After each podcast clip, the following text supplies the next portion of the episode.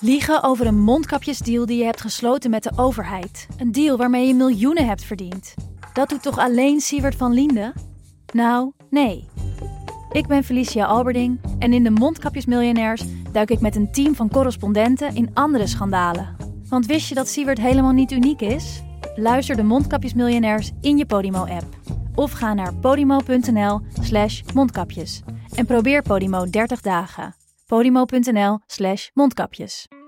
In de podcast Radio Romano met Noortje Veldhuizen Met Marcel van Roosmalen. En met Roelof de Vries. brengen we alle drie elke week een zogenaamde signalering mee. Wat heb jij nou weer bij je? En aan het eind bepalen we wie de winnaar van de week is. Echt een angstcultuur Lege huls die je er bent? Ja, dat gaat eigenlijk altijd onvriendelijk. Luister nu naar Radio Romano bij Podimo. Via podimo.nl slash Radio Romano luister je 30 dagen gratis.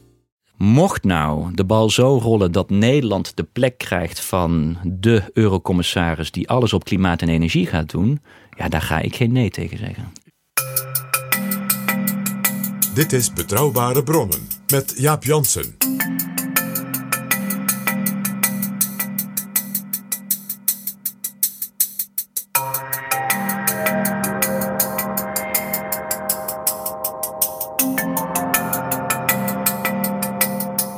Hallo, welkom in Betrouwbare Bronnen, aflevering 37. In deze laatste aflevering voor de Europese parlementsverkiezingen praat ik straks met Bas Eickhout, spitsenkandidaat van de Europese Groenen en al tien jaar lid van het Europees Parlement namens GroenLinks. Hij denkt dat de christendemocratische spitsenkandidaat Manfred Weber, te gast in Betrouwbare Bronnen aflevering 24, weinig kans maakt om daadwerkelijk president van de Europese Commissie te worden. En de sociaaldemocraat Frans Timmermans al helemaal niet. Nou, kijk, eh, wat ik heb gezegd is dat er dus ruimte komt voor een derde hond. Dus die met Ja. de benen vandaan gaat. Omdat ik niet inschat dat het een christendemocraat of een sociaaldemocraat wordt. Nou, eh, En u bent bloed, bloeddorstig genoeg om met dat been er vandoor te gaan. die bal kan gewoon ook naar de groene rollen. Saint Trois. Ja, dat kan zomaar zijn. Kijk, de kans dat het een liberaal is, is groter, maar het kan ook de groene. Het kan ook in de richting van de groene rollen. Dat zou mooi zijn voor GroenLinks. Maar Eickhout zei het al, de kans dat het een liberaal wordt is groter. En dan moeten we, zegt Eickhout, Mark Rutte niet uitvlakken. Want Rutte is populair bij de regeringsleiders. Mark Rutte is pragmatisch en flexibel. Mocht de bal toch naar GroenLinks rollen, en Bas Eickhout weet natuurlijk ook wel dat hij geen president wordt, dan opteert hij voor de post klimaat en energie. Maar dat moet dan wel een veel belangrijker post worden dan de afgelopen vijf jaar, toen het niet eens een van de vicevoorzitters was die zich ermee bezig hield. Eickhout is blij met het initiatief van Emmanuel Macron en Mark Rutte om van klimaat Europees speerpunt voor de komende vijf jaar te maken. Wat het goede is, is dat eh, Macron en de Nederlandse regering ook hebben gezegd: Nou, wij vinden ook dat er in 2030 dus meer ambitie moet komen. Alleen, en nu komt de truc, dat is politiek heel gevoelig. Dus wat Rutte nu heeft gedaan met Macron is de befaamde sprong naar voren. Is door te zeggen: we gaan het even niet over 2030 meer hebben. We gaan het over 2050 hebben. Straks een uur lang in betrouwbare bronnen Bas Eickhout. Jaap Jansen en Pieter Gerrit Kroeger duiken in de politieke geschiedenis. Welkom PG. Dag Jaap. Wij naderen de verkiezingen voor het Europees Parlement, episode 2019. Ja, de eerste verkiezing was dus precies 40 jaar geleden, 1979. Dat herinner ik me nog heel goed. De eerste rechtstreekse verkiezing. Ik was 16 jaar. Vond het allemaal heel interessant. Hoge opkomst. Ja, echt hoge opkomst toen. En inmiddels is het al een keer of vier, ongeveer 37 procent in Nederland. Hele lage opkomst. Ook lager zelfs dan het gemiddelde in Europa. Ja, de Nederlanders die zijn eh blasé, denk ik dan.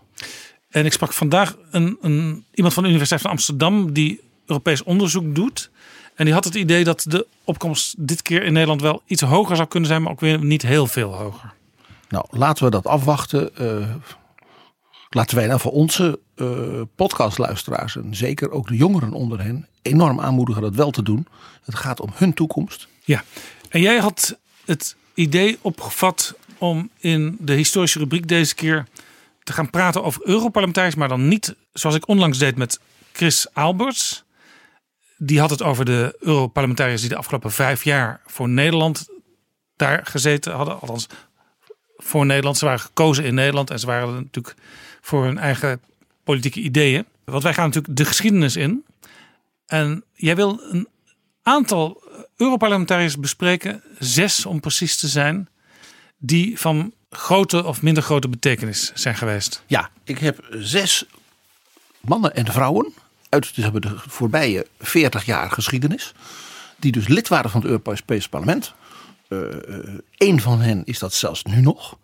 Die van een zeer opmerkelijke betekenis zijn geweest voor Europa. Soms in dat parlement, soms ook in de combinatie van hun, zeg maar, hun hele politieke leven en hun rol in dat parlement. En ik heb er ook eentje tussen gevonden, een Nederlander natuurlijk. Eh, laat ik zeggen, die wat een soort voorbeeld is van, voor het type Europarlementariër waar de media graag over schrijven, want dan kun je tenminste lachen. Laten we serieus beginnen. Zeker. Simone Weil. Simone Weil, de Française de, de grande dame van de Franse en Europese politiek. En zij was de allereerste voorzitter van het Europees Parlement. Toen het Europees Parlement dus door de kiezers gekozen werd. En zij was dus kandidaat om voorzitter te worden. En ja, daar werd gestemd en zij kreeg een hele duidelijke meerderheid. Ja, en mensen kennen haar misschien wel als de dame eh, met het opgestoken haar, het knotje.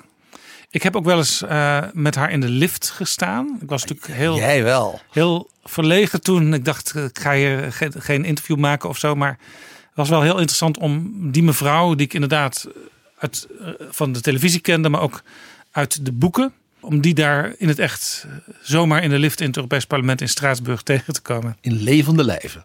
Ja, nou, uh, ik zei al, de grande dame. Zij was zonder enige twijfel het moreel geweten van Frankrijk en van de Franse politiek. Uh, en dat had te maken met een hele bijzondere levensgeschiedenis. Ook al in zekere zin voordat ze voorzitter van het Europees Parlement werd. Uh, bijvoorbeeld, ze was de ongeveer eerste vrouw die een uitzonderlijk hoge positie bekleedde, relatief jong na haar studie, namelijk secretaris-generaal van de Raad voor de Magistratuur. Dus zeg maar een soort, soort adviesraad, een soort raad van toezicht op alle ambtenaren, rechters en dergelijke van, van de Franse natie.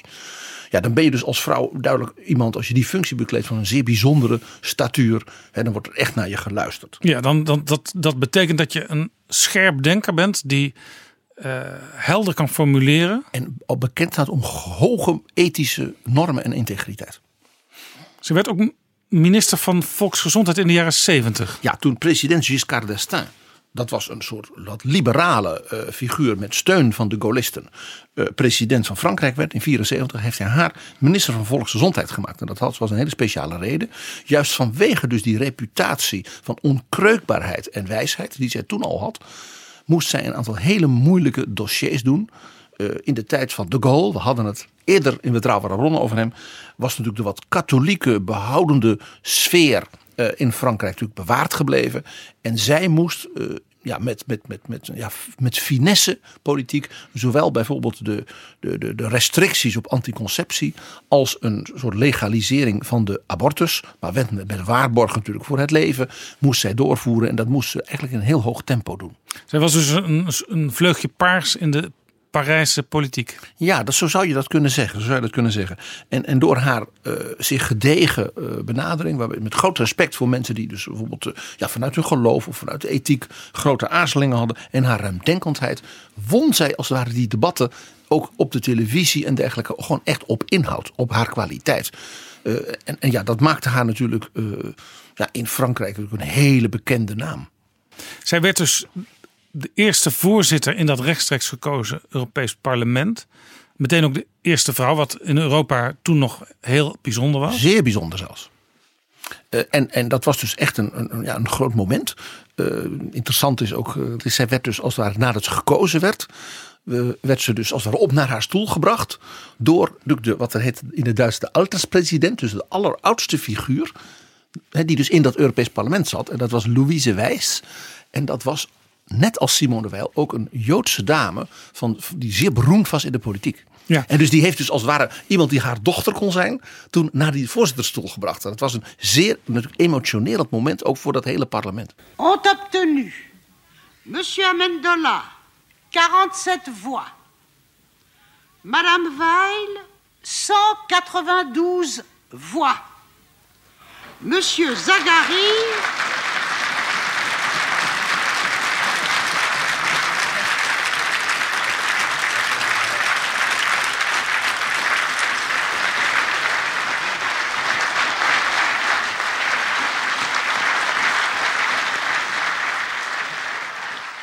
Louise Wijs, overigens, daar is het, uh, de nieuwbouw van het Europees Parlement in Straatsburg naar genoemd.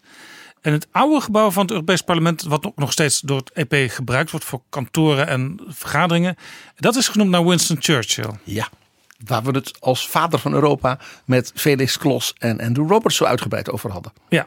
Zo zie je maar dus dat die Europese culturen en die politieke culturen, als er in dat Europa, ook in Straatsburg en in Brussel in dat parlement, elkaar dus ook ontmoeten.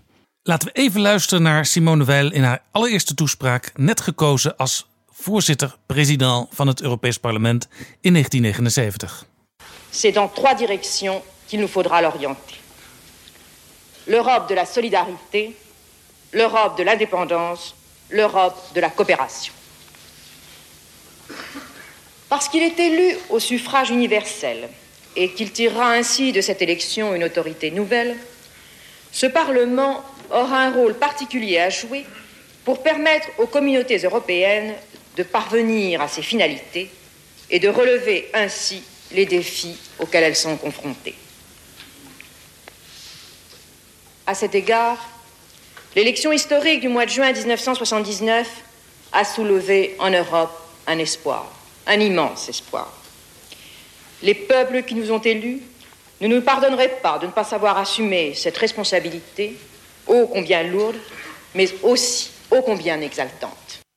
En zij zorgde er ook voor, mede door haar statuur, dat het Europees Parlement echt ging leven toen in de beginjaren. Ja, wat natuurlijk, heel, wat natuurlijk een enorme uitdaging was voor haar, was dat het Europees Parlement daarvoor samengesteld was door mensen die door de nationale parlementen. Ja, je had dus bijvoorbeeld uit Nederland Tweede Kamerleden en ook geloof Eerste Kamerleden die dan enkele malen per jaar in dat Europees Parlement gingen vergaderen. En dat was dus eigenlijk meer een soort bemiddelingsgremium. Dat was dus niet zozeer een politiek gremium. We hebben het al verteld dat Jan de Koning als de, de, de, zeg maar, de, de, de, de chef van de, christelijke boerenbonden in Nederland.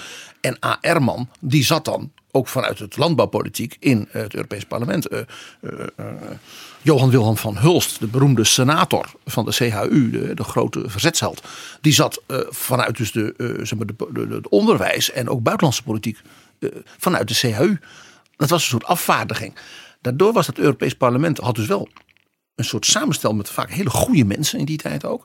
Maar het was een beetje een afgeleid parlement. En nu moest dus dat nieuwe parlement, rechtstreeks gekozen, ook veel omvangrijker, moest ook zijn eigen werk ja, ontdekken. En ook zijn, wat jij zegt, zijn statuur, zijn rol in Europa veroveren. En daar heeft Simone Weil dus in die nou, ongeveer drie, vier jaar dat zij voorzitter was, eigenlijk onmiddellijk haar stempel erop gedrukt. Uh, en dat ze dat heel politiek deed, bewees ook dat toen ze geen voorzitter meer was, ze gewoon aanbleef en fractieleider was en bleef van de liberaal en democratische fractie. Dus van wat nu ALDE is. Ja. Want wat mevrouw Versteger als het ware nu uh, als, als spitsenkandidaat doet. Ja, ze, werd, ze was dus voordat ze voorzitter werd van het EP uh, minister van Volksgezondheid onder Giscard. Zeg maar een, een, een liberale president. Ja, en een belangrijke dus hervormer. Ja, en later kwam Mitterrand aan de macht, een socialistische president. En toen werd ze ook weer minister van Sociale Zaken notabene. Ja, omdat namelijk de Mitterrand wel de verkiezingen won. Maar de parlementsverkiezingen werd gewonnen door middenrechts. Ah, natuurlijk. Dus toen kreeg je de zogenaamde cohabitation. Uh, en dat was onder andere met premier Balladur. En die had, uh, als het ware, uh, nou de, meer, de, de meest ruimdenkende mensen uit het midden en rechts, als het ware om zich heen verzameld. En dat waren dus mensen die Mitterrand als president nou ja, ook wel kon accepteren. Zeker iemand als Simone Weil. Uh, en toen werd zij dus minister van Sociale Zaken. Wat in Frankrijk, hè, met al die stakingen en al die de, uh, problemen, een van de meest moeilijke en gevoelige posten was. En, en, en, ja, ze was dus in zekere zin daarin een opvolger van Jacques Delors. Die dat was geweest onder Mitterrand in zijn eerste termijn. Kun je iets vertellen over haar persoonlijke geschiedenis? Ja, die is heel bijzonder. Uh, Simone Weil was, heette Simone Jacob. Uh, was van Joodse huizen. En, is in, uh, en leefde in de, tijdens de Tweede Wereldoorlog in het Vichy-deel van Frankrijk. Dat deel van Frankrijk, zeg maar het, het, het zuiden en het zuidoosten van Frankrijk, het midden en het zuidoosten van Frankrijk, was niet bezet door de Duitse legers. Maar had dus een ja, fascistisch bewind van generaal Pétain. En uh, de, de, Joden werden daar dus niet heel fanatiek vervolgd nog. Maar, uh, dus er was veel, veel onderduik ook. Maar op een bepaald moment toen de oorlog vorderde, toen werd dus zwaar onder druk gezet. En toen is, is, ook daar de, is men daar ook de Joden gaan uitleveren aan de nationaal-socialistische vervolging. En zo is zij in 1944 als, uh, ja, als meisje uh, met haar ouders en haar broer en haar zus dus afgevoerd. Haar vader en haar broer, die was, was de oudste, die zijn al meteen toen ze in Litouwen aankwamen, zijn ze daar vermoord.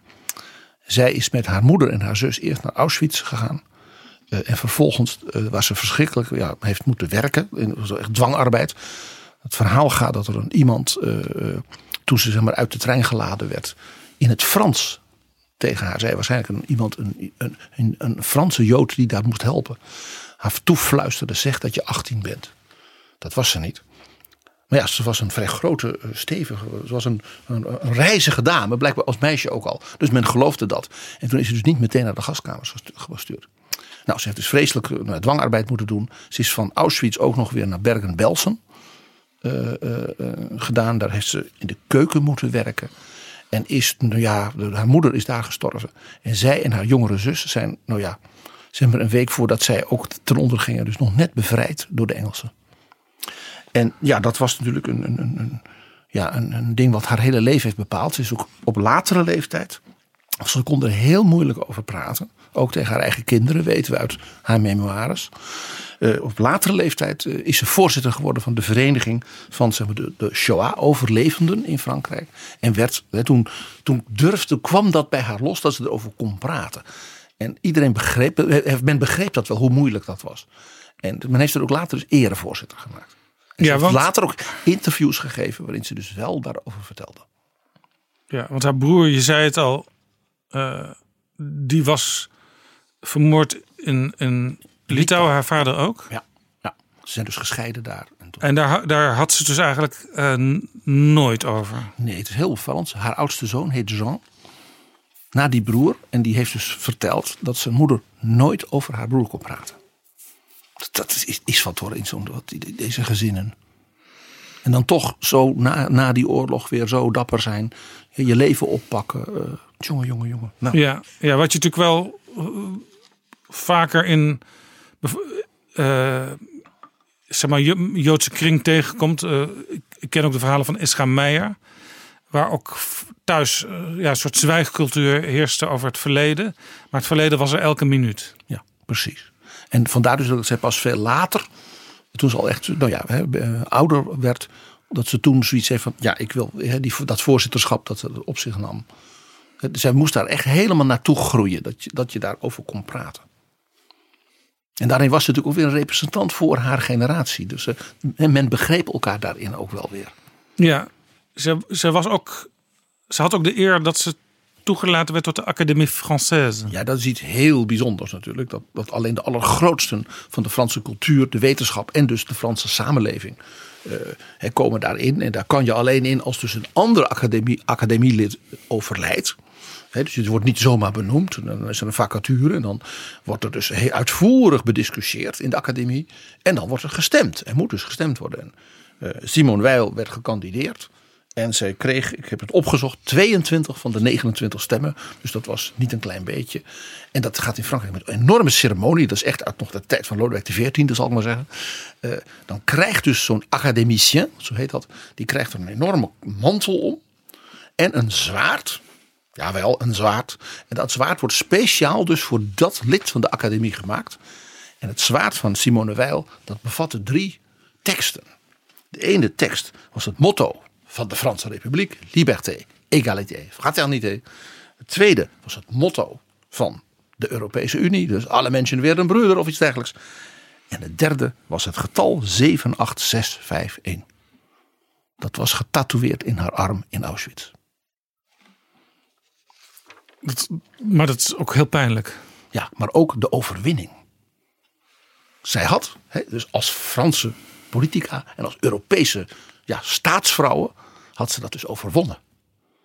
Had zij, want ze heeft dus onder verschillende presidenten gediend. Als ze, was een, ze was een zeer belangrijk adviseur van Nicolas Sarkozy ook. Die raadpleegde haar nadrukkelijk. Had zij zelf misschien ook president kunnen worden? Nou, laat ik het zo zeggen.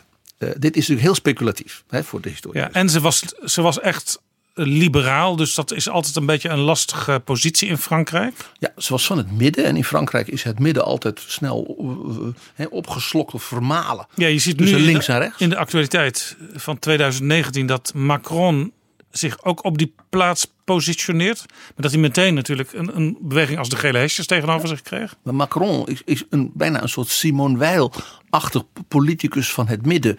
Uh, wat ruimdenkend, die wat probeert hervormingen door te voeren. Wat haar dus wel lukte. Hè? Dat, uh, Macron dus ook. Maar dat is dus heel, daarom dat zoeken mensen in de Franse politiek dus heel bijzonder zijn. Nou, laat ik het voorzichtig zeggen.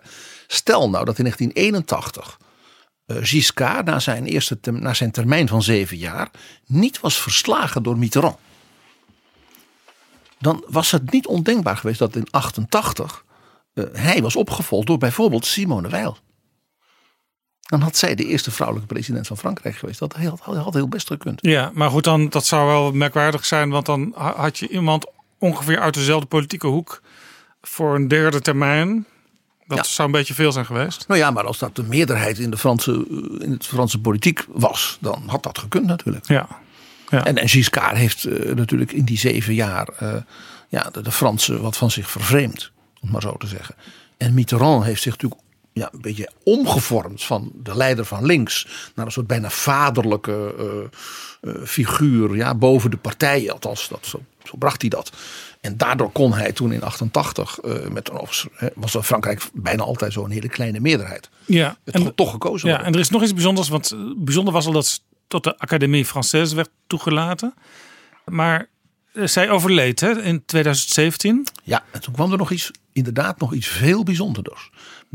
Bij de officiële bekendmaking van haar overlijden reageerde uiteraard president Macron vanuit het Elysée en die meldde toen dat hij al overleg had gevoerd met de familie. En dat hij dus in overleg met hen kon melden dat zij, zeg maar, een, nou, drie kwart jaar later, dat werd 1 juli 2018, zou worden bijgezet in het Panthéon in Parijs. En de familie had gevraagd, en hij had dat goed gevonden, dat hun vader, die kort daarvoor was overleden, dan met haar daar zou worden begraven. Dat ze niet gescheiden zouden worden. En dat is natuurlijk een uitzonderlijke eer. Om je een idee te geven, zij was pas de vijfde vrouw in de Franse geschiedenis. Die daar eh, als, daar als ja, soort icoon van de natie. Hè, dus als daar eh, zou worden bijgezet in die grote nationale crypt. Uh, en dat is dus toen gebeurd op 1 juli 2018 met een enorme ceremonie. Want dat kunnen de Fransen hè, met optochten en met waar haar kist natuurlijk door, door, door, door Parijs werd gedragen. En het was opmerkelijk. De mensen stonden in dromen. Dat je denkt, een minister uit de jaren zeventig, helemaal zo zeggen. De Fransen waren haar allerminst vergeten. Ja, en hier, dat moeten we toch ook wel benadrukken, zo kort voor de Europese verkiezingen. Van alle elementen die haar statuur maken, is zeker dat voorzitterschap van het Europees Parlement en daarna het lidmaatschap en fractievoorzitterschap eh, een belangrijk onderdeel. Omdat zij dus ook in haar persoon een, een, een, ja, een symbool was van zowel de verschrikkingen in de Europese geschiedenis als de verzoening in Europa. En we mogen ook rustig zeggen, de triomf van Europa en de Europese Unie over die verschrikkingen. Namelijk dat we elkaar hebben gevonden in vrede, in samenwerking en dat soort dingen. En dat is toch wel iets heel bijzonders. Misschien is, mag, heel even, mag ik aan je vragen, Jaap. Uh, Emmanuel Macron heeft bij die gelegenheid uh, zeg op, toen stond haar, haar kist op de trappen van het Pantheon. En dat hoort in Frankrijk zo. Dan houdt de president een toespraak. Waarom doen we dit? En dat begin van die toespraak, dat is misschien wel het allerbeste van uh, Macron. Uh, wat we ooit hebben gehoord tot nu toe. Laten we daar naar luisteren. Emmanuel Macron bij het Pantheon en bij Simone Veil. Simone Veil s'est battue contre les préjugés l'isolement, contre les démons de la résignation ou de l'indifférence, sans rien céder, parce qu'elle savait ce qu'était la France. Comme eux, elle a bravé l'hostilité, agi en précurseur, embrassé des causes qu'on croyait perdues, pour rester fidèle à l'idée qu'elle se faisait de la République et à l'espoir qu'elle plaçait en elle. Il est beau, aujourd'hui, que cette femme rejoigne en ce lieu la confrérie d'honneur à laquelle, par l'esprit, par les valeurs, elle appartient de plein droit et dont elle eut toute sa vie les combats en partage. Dat was de president van Frankrijk, Emmanuel Macron, bij het uh, bijzetten in het Pantheon in Parijs van Simone Weil. En Jaap, daar ronden we dan mee af. Ze is niet zomaar ergens daar in, een, in die crypt van, oh we hebben nog een lege plek. Nee, ze hebben haar in, een, in die crypt gelegd in een hoek waar ook Jean Moulin, de grote leider van het verzet, de vriend van de Gaulle, daar heeft de Gaulle persoonlijk voor gezorgd dat hij in het Pantheon ging. En Jean Monnet, zeg maar de oprichter van de Europese Unie. En daartussen ligt zij. Prachtig. Je zegt we ronden af, maar we ronden alleen uh, dit onderdeeltje af, want je hebt nog een aantal andere uh, min of meer grote Europarlementariërs te gaan. Voor de tweede gaan we naar Portugal. We gaan naar Portugal. Ja, je hoort uh, Zuid-Europa komt zeker aan bod. En dat is niet zonder reden.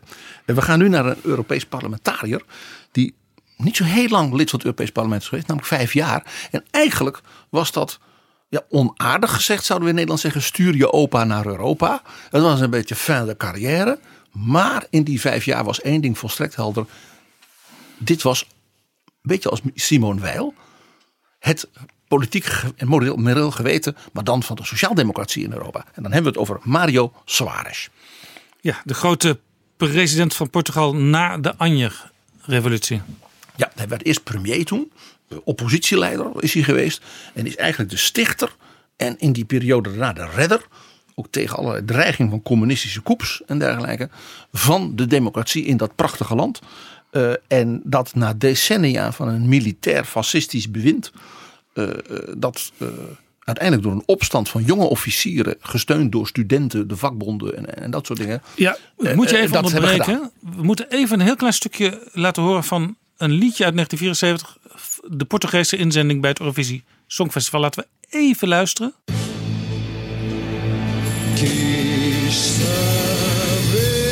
Quem sou, o que faço aqui. Quem me abandonou, de quem me esqueci. Perguntei por mim,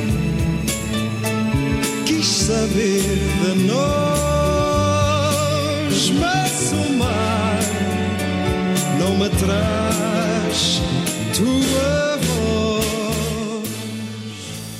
Dat was Paulo de Carvalho de Portugese inzending in 1974 bij het Eurovisie Songfestival. En dit is zo bijzonder, PG, want we hadden het natuurlijk over Mario Soares. Deze plaat was een soort afspraak tussen een aantal revolutionairen. Dat zou, en dat gebeurde ook op hetzelfde tijdstip op alle radio- en televisiezenders te horen zijn, dat liedje. morgens heel vroeg hè, was dat. En dat was het teken, de revolutie is begonnen. Ja, dus is heel grappig. Dat is dus die grote politieke loopbaan van Mario Soares hangt dus samen met een geloof ik niet eens zo heel succesvol liedje bij het Eurosongfestival. Het was zelfs uh, geloof als laatste geëindigd dat jaar. En nou ja, de, onze vorige aflevering hadden we het ook al over liedjes en songfestivals die een ongekende en onverwachte politieke historie gingen schrijven. We hebben er dus een tweede nu. Nou, uh, die revolutie kwam. Uh, we gaan het zo nog wel even hebben over, zijn, over de carrière van, van, van Soares daarin. En die heet Anje-revolutie omdat er uh, Anjers werden uitgedeeld. Ja, Zoals je nu tegenwoordig bij de Partij van de Arbeid nog steeds rozen ziet. Ja, was de bloem van de revolutie. En uh, uh, Soares was premier die ervoor zorgde dat Portugal helemaal klaar was om lid te worden van de EU. Dat was dus eigenlijk binnen tien jaar na die revolutie en de val van het militair bewind. Dus een snelle democratisering, een opening en een modernisering ook van de economie. Heel knap dus, in tien jaar. En in 86 werd uh, Portugal lid van de Europese Unie. En ook in 86 werd Mario Soares gekozen tot president. En dat is hij tien jaar geweest. In 91 is hij herkozen. Nou, met een, ja, een tegenkandidaat, maar dat, die wist dat hij geen kans maakte. Ik geloof dat hij meer dan 70% van de stemmen haalde voor zijn tweede termijn. Dus uh, hij was echt nou ja, de vader des vaderlands geworden. En hij deed iets heel interessants. Hij had meestal regeringen van de Christen-Democraten en de Conservatieven onder zich als president. En hij was natuurlijk een sociaal, sociaaldemocraat, een socialist. Maar dat, dat, kon, dat kon niet meer leven. Want wat hij deed, hij gebruikte dus dat presidentschap om de Portugese staat ja, minder autoritair te maken. Minder, want dat zat natuurlijk nog wel in, sterk van boven naar beneden. Uh, dus openheid, discussie, toegankelijkheid. eh, heel veel met jongeren, met studenten. eh. hij, hij, hij toerde het hele land door. Zij kon met kritiek. Een plek voor discussie, vond hij, moest de, de, de president ook bieden. En heel veel vernieuwingen, hervormingen in de cultuur en het onderwijs. Als je nou zijn verleden en ook dat van zijn vrouw eh, eh, kent, dan is dat laatste verbaasd je helemaal niet. Hij was namelijk een soort voorzitter van de LSVB, zouden wij nu zeggen, van Portugal. De voorzitter van de rebelse studenten aan de universiteiten tegen het militair bewind. Was ook een tijdje af en toe docent eh, aan de universiteit en aan scholen, maar dan werd hij weer verboden. Is heel vaak opgepakt, dan zat hij weer in de gevangenis. En dan kwam hij weer naar buiten en dan was hij zijn baantje weer kwijt. Moest hij weer... Maar hij bleef eh, eh, ja, de leider van de rebelse jongeren. Uh, uh, en was dus, uh, laat ik zeggen, een, een, nagelende doodkist van het militair bewind. En ja, toen kwam er, ja, het is, het is net Romeo en Julia, hoor, zal ik maar zeggen. Want de beroemdste actrice van het Nationaal Theater, een filmster, een jonge dame, die valt als een blok voor deze rebelse studentenleider. De liefde van zijn leven, Maria de Jesus Barroso.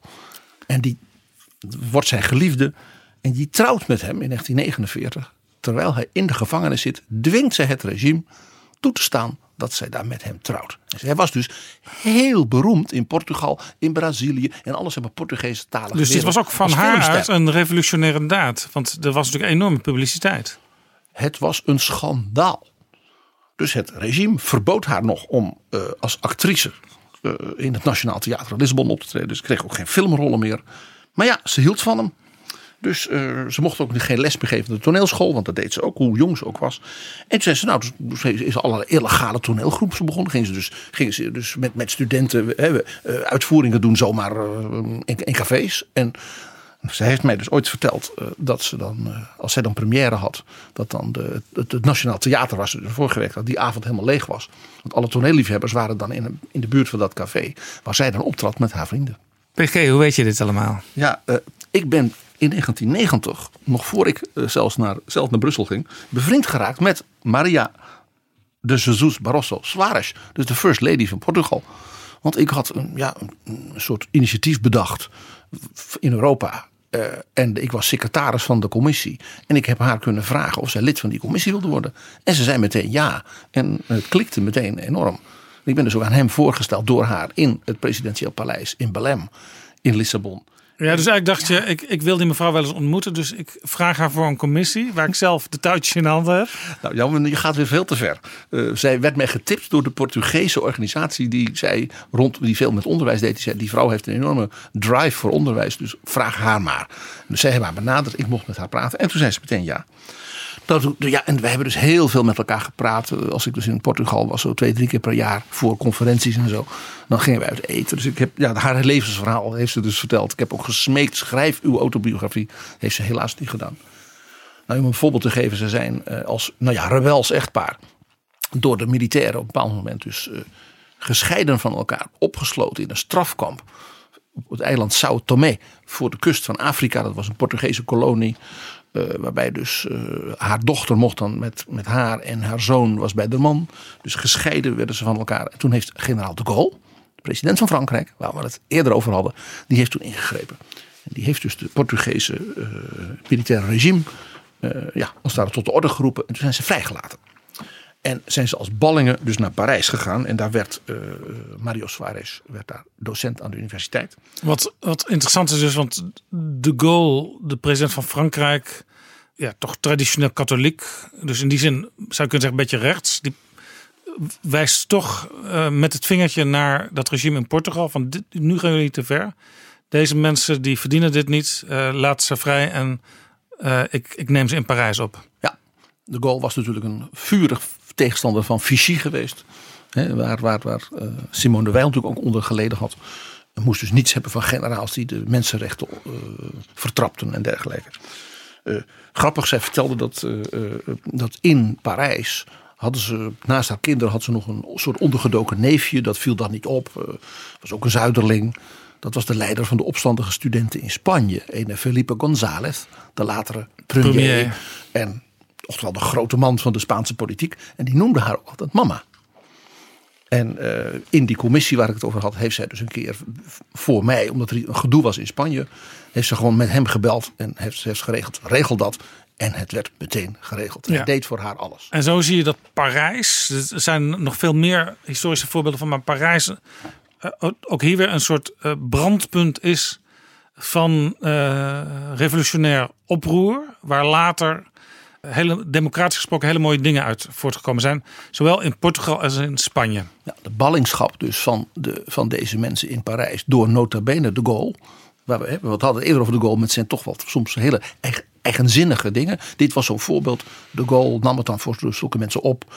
En dat daar dan een, nog een Spaanse student ondergedoken zat. Nou, daar werd maar gewoon niet te veel op gelet. Ja, er zijn natuurlijk ook minder mooie voorbeelden over Parijs en opstand. Denk maar aan Ayatollah Khomeini, die daar ook gewoond heeft. Zeker, zeker. Maar dit is een mooi voorbeeld. Ja. Nou, in 74 kwam dus die Anje-revolutie dankzij de Eurosongfestival. Uh, Soares werd premier. De bouwer van de democratie de dekolonisatie natuurlijk hè, van, van, uh, in Afrika, van Angola, Mozambique en dergelijke. En natuurlijk de samenwerking met Europa, uh, waarbij uh, zijn vrouw lid van het parlement was en voorzitter van de commissie onderwijs.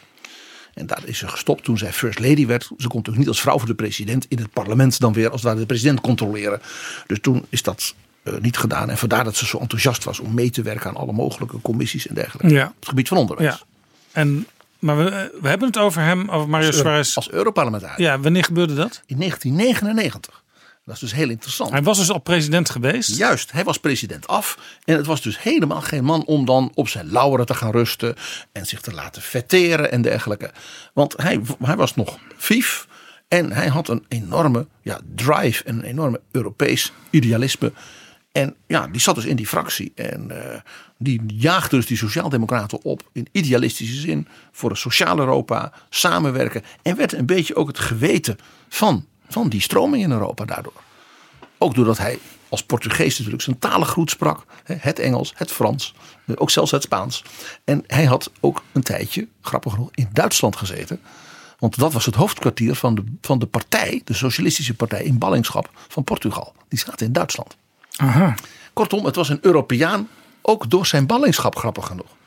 Had hij dus als het ware die, die, die ervaring opgedaan. Hij was gewoon als persoon daar aanwezig en had stevig moreel gezag bij discussies. Ja, en het is heel interessant, misschien het meest opmerkelijke bewijs voor, dat, voor dat, die statuur die hij had, staat in een boek van Frits Bolkestein. Met wie jij een tijdje geleden sprak. Die heeft een boek geschreven over zijn Europese ervaringen.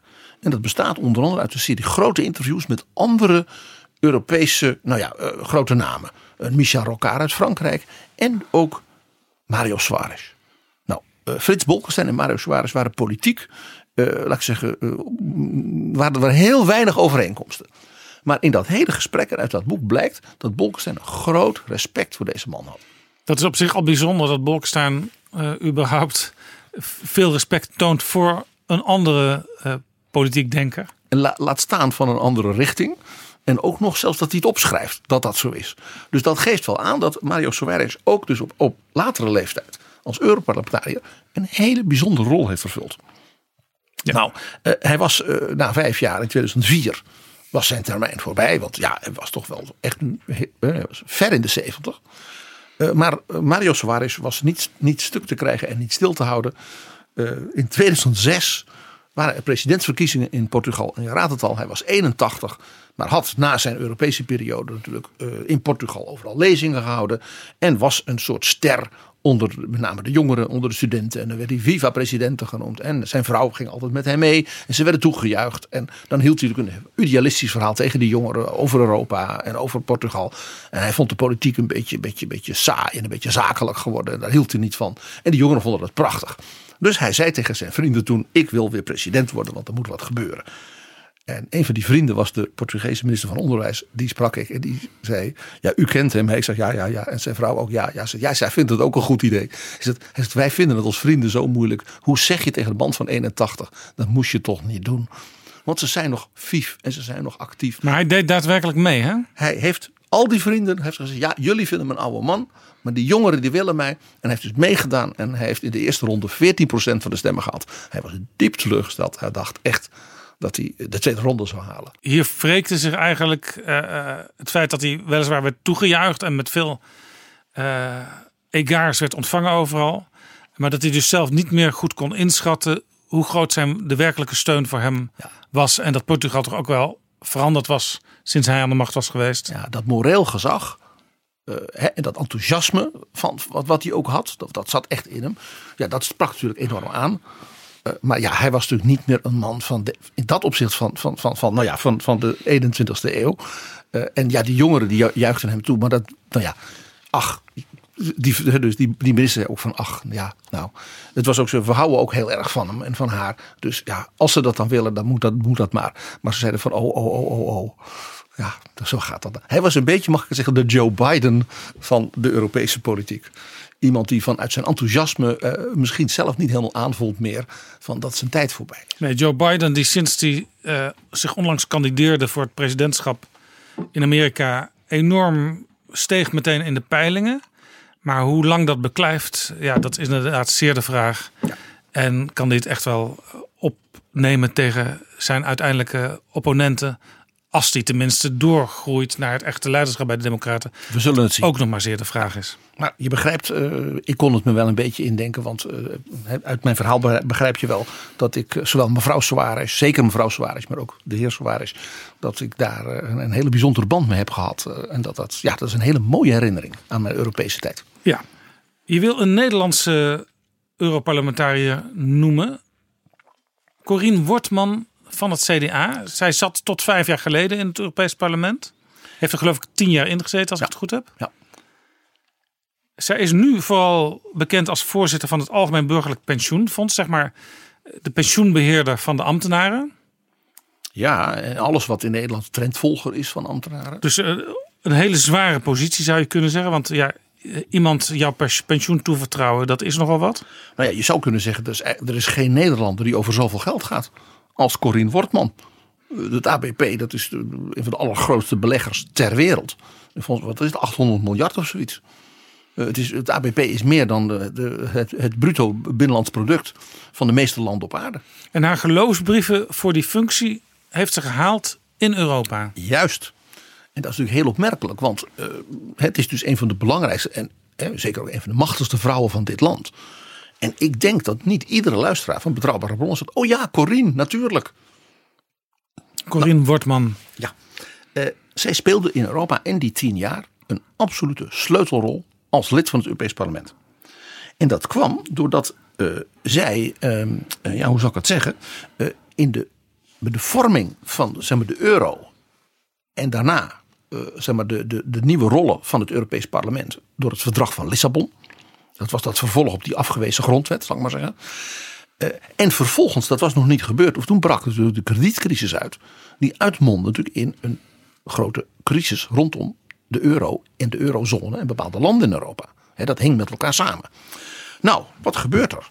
Uh, Corine Wortman was de expert in het Europees Parlement op het gebied van de begroting en de euro. Maar wat was haar achtergrond voordat ze in het Europees Parlement kwam? Uh, ja, zij heeft allerlei functies in het CDA gehad. Uh, en was altijd zeer krachtig en bestuurlijk. Uh, ja, al, al in de, bij de CDA-jongeren. Heel opvallend. En wat, waar, waarin zij opviel bij haar collega's. was dat ze. als er voorstellen kwamen van de commissie. van de regeringsleiders. dat zij dan niet tegen de staf zei: Nou, maak maar een dingetje. Maar dat ze er zelf in ging zitten spitten.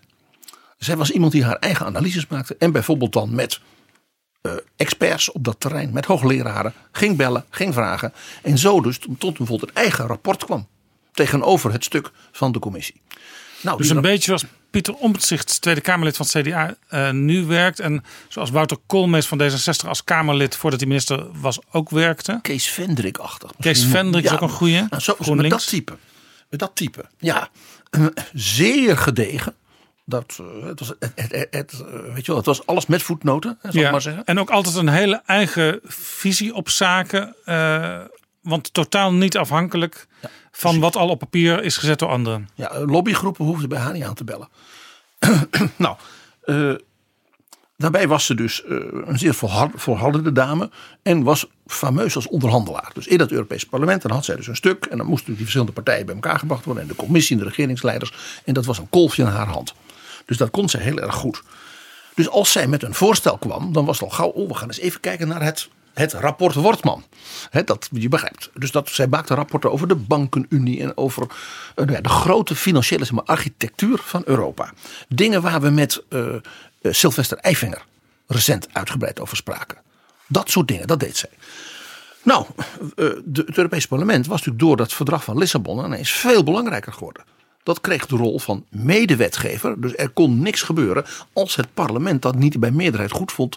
Dat heet dus codecisie in Europa. dus je hebt de commissie, die doet daar voorstellen. Je hebt de raad, dat zijn de ministers, de regeringsleiders. En het parlement. En het parlement is nu eigenlijk min of meer gelijkberechtigd. Dat was natuurlijk voor iemand als Corine Wortman, die daar dus in zat en helemaal ingewerkt was. Ja, het klinkt een beetje ondeugend om te zeggen. Natuurlijk, dat is natuurlijk ideaal. Want zij kon dus met haar krachtige opstelling uh, bijna nou ja, uh, de rol spelen als een regeringsleider of een Europees commissaris. Ja, parlementariër. ja, het Europees Parlement had dus medebeslissingsrecht gekregen in het verdrag van Lissabon. Uh, maar de rol van de Europese Centrale Bank werd natuurlijk ook steeds belangrijker. En die bank is onafhankelijk. Maar toch werd de president van de bank regelmatig bij het Europees Parlement geroepen om tekst en uitleg te geven. Dus in die zin is het ook een, uh, ja, een zekere periode geweest waarin we gezien hebben dat het Europees Parlement nog extra terrein kon winnen bovenop het terrein wat ze al zeg maar, verdragmatig had gekregen. Het Europees Parlement werd eigenlijk de draaischijf van al die beslissingen. En daar speelde Corien Wortman dus een hoofdrol in. De sleutelrol. Uh, want zij was dus niet alleen de woordvoerder op al die terreinen die te maken hadden met de, zeg maar, de eurocrisis en de financiën en al die noodprogramma's. niet alleen dus van de belangrijkste partij, de EVP, hè, dus vanuit het CDA, zoals ook vicevoorzitter van die fractie meteen. Uh, zij werd ook al heel snel eigenlijk door het hele parlement als het ware op pad gestuurd. Dan zeiden ze bij die noodbijeenkomsten, die nachtelijke vergaderingen, met Merkel, met Draghi, met de Grieken en dergelijke. Dan zat dus zij daarbij namens het hele parlement.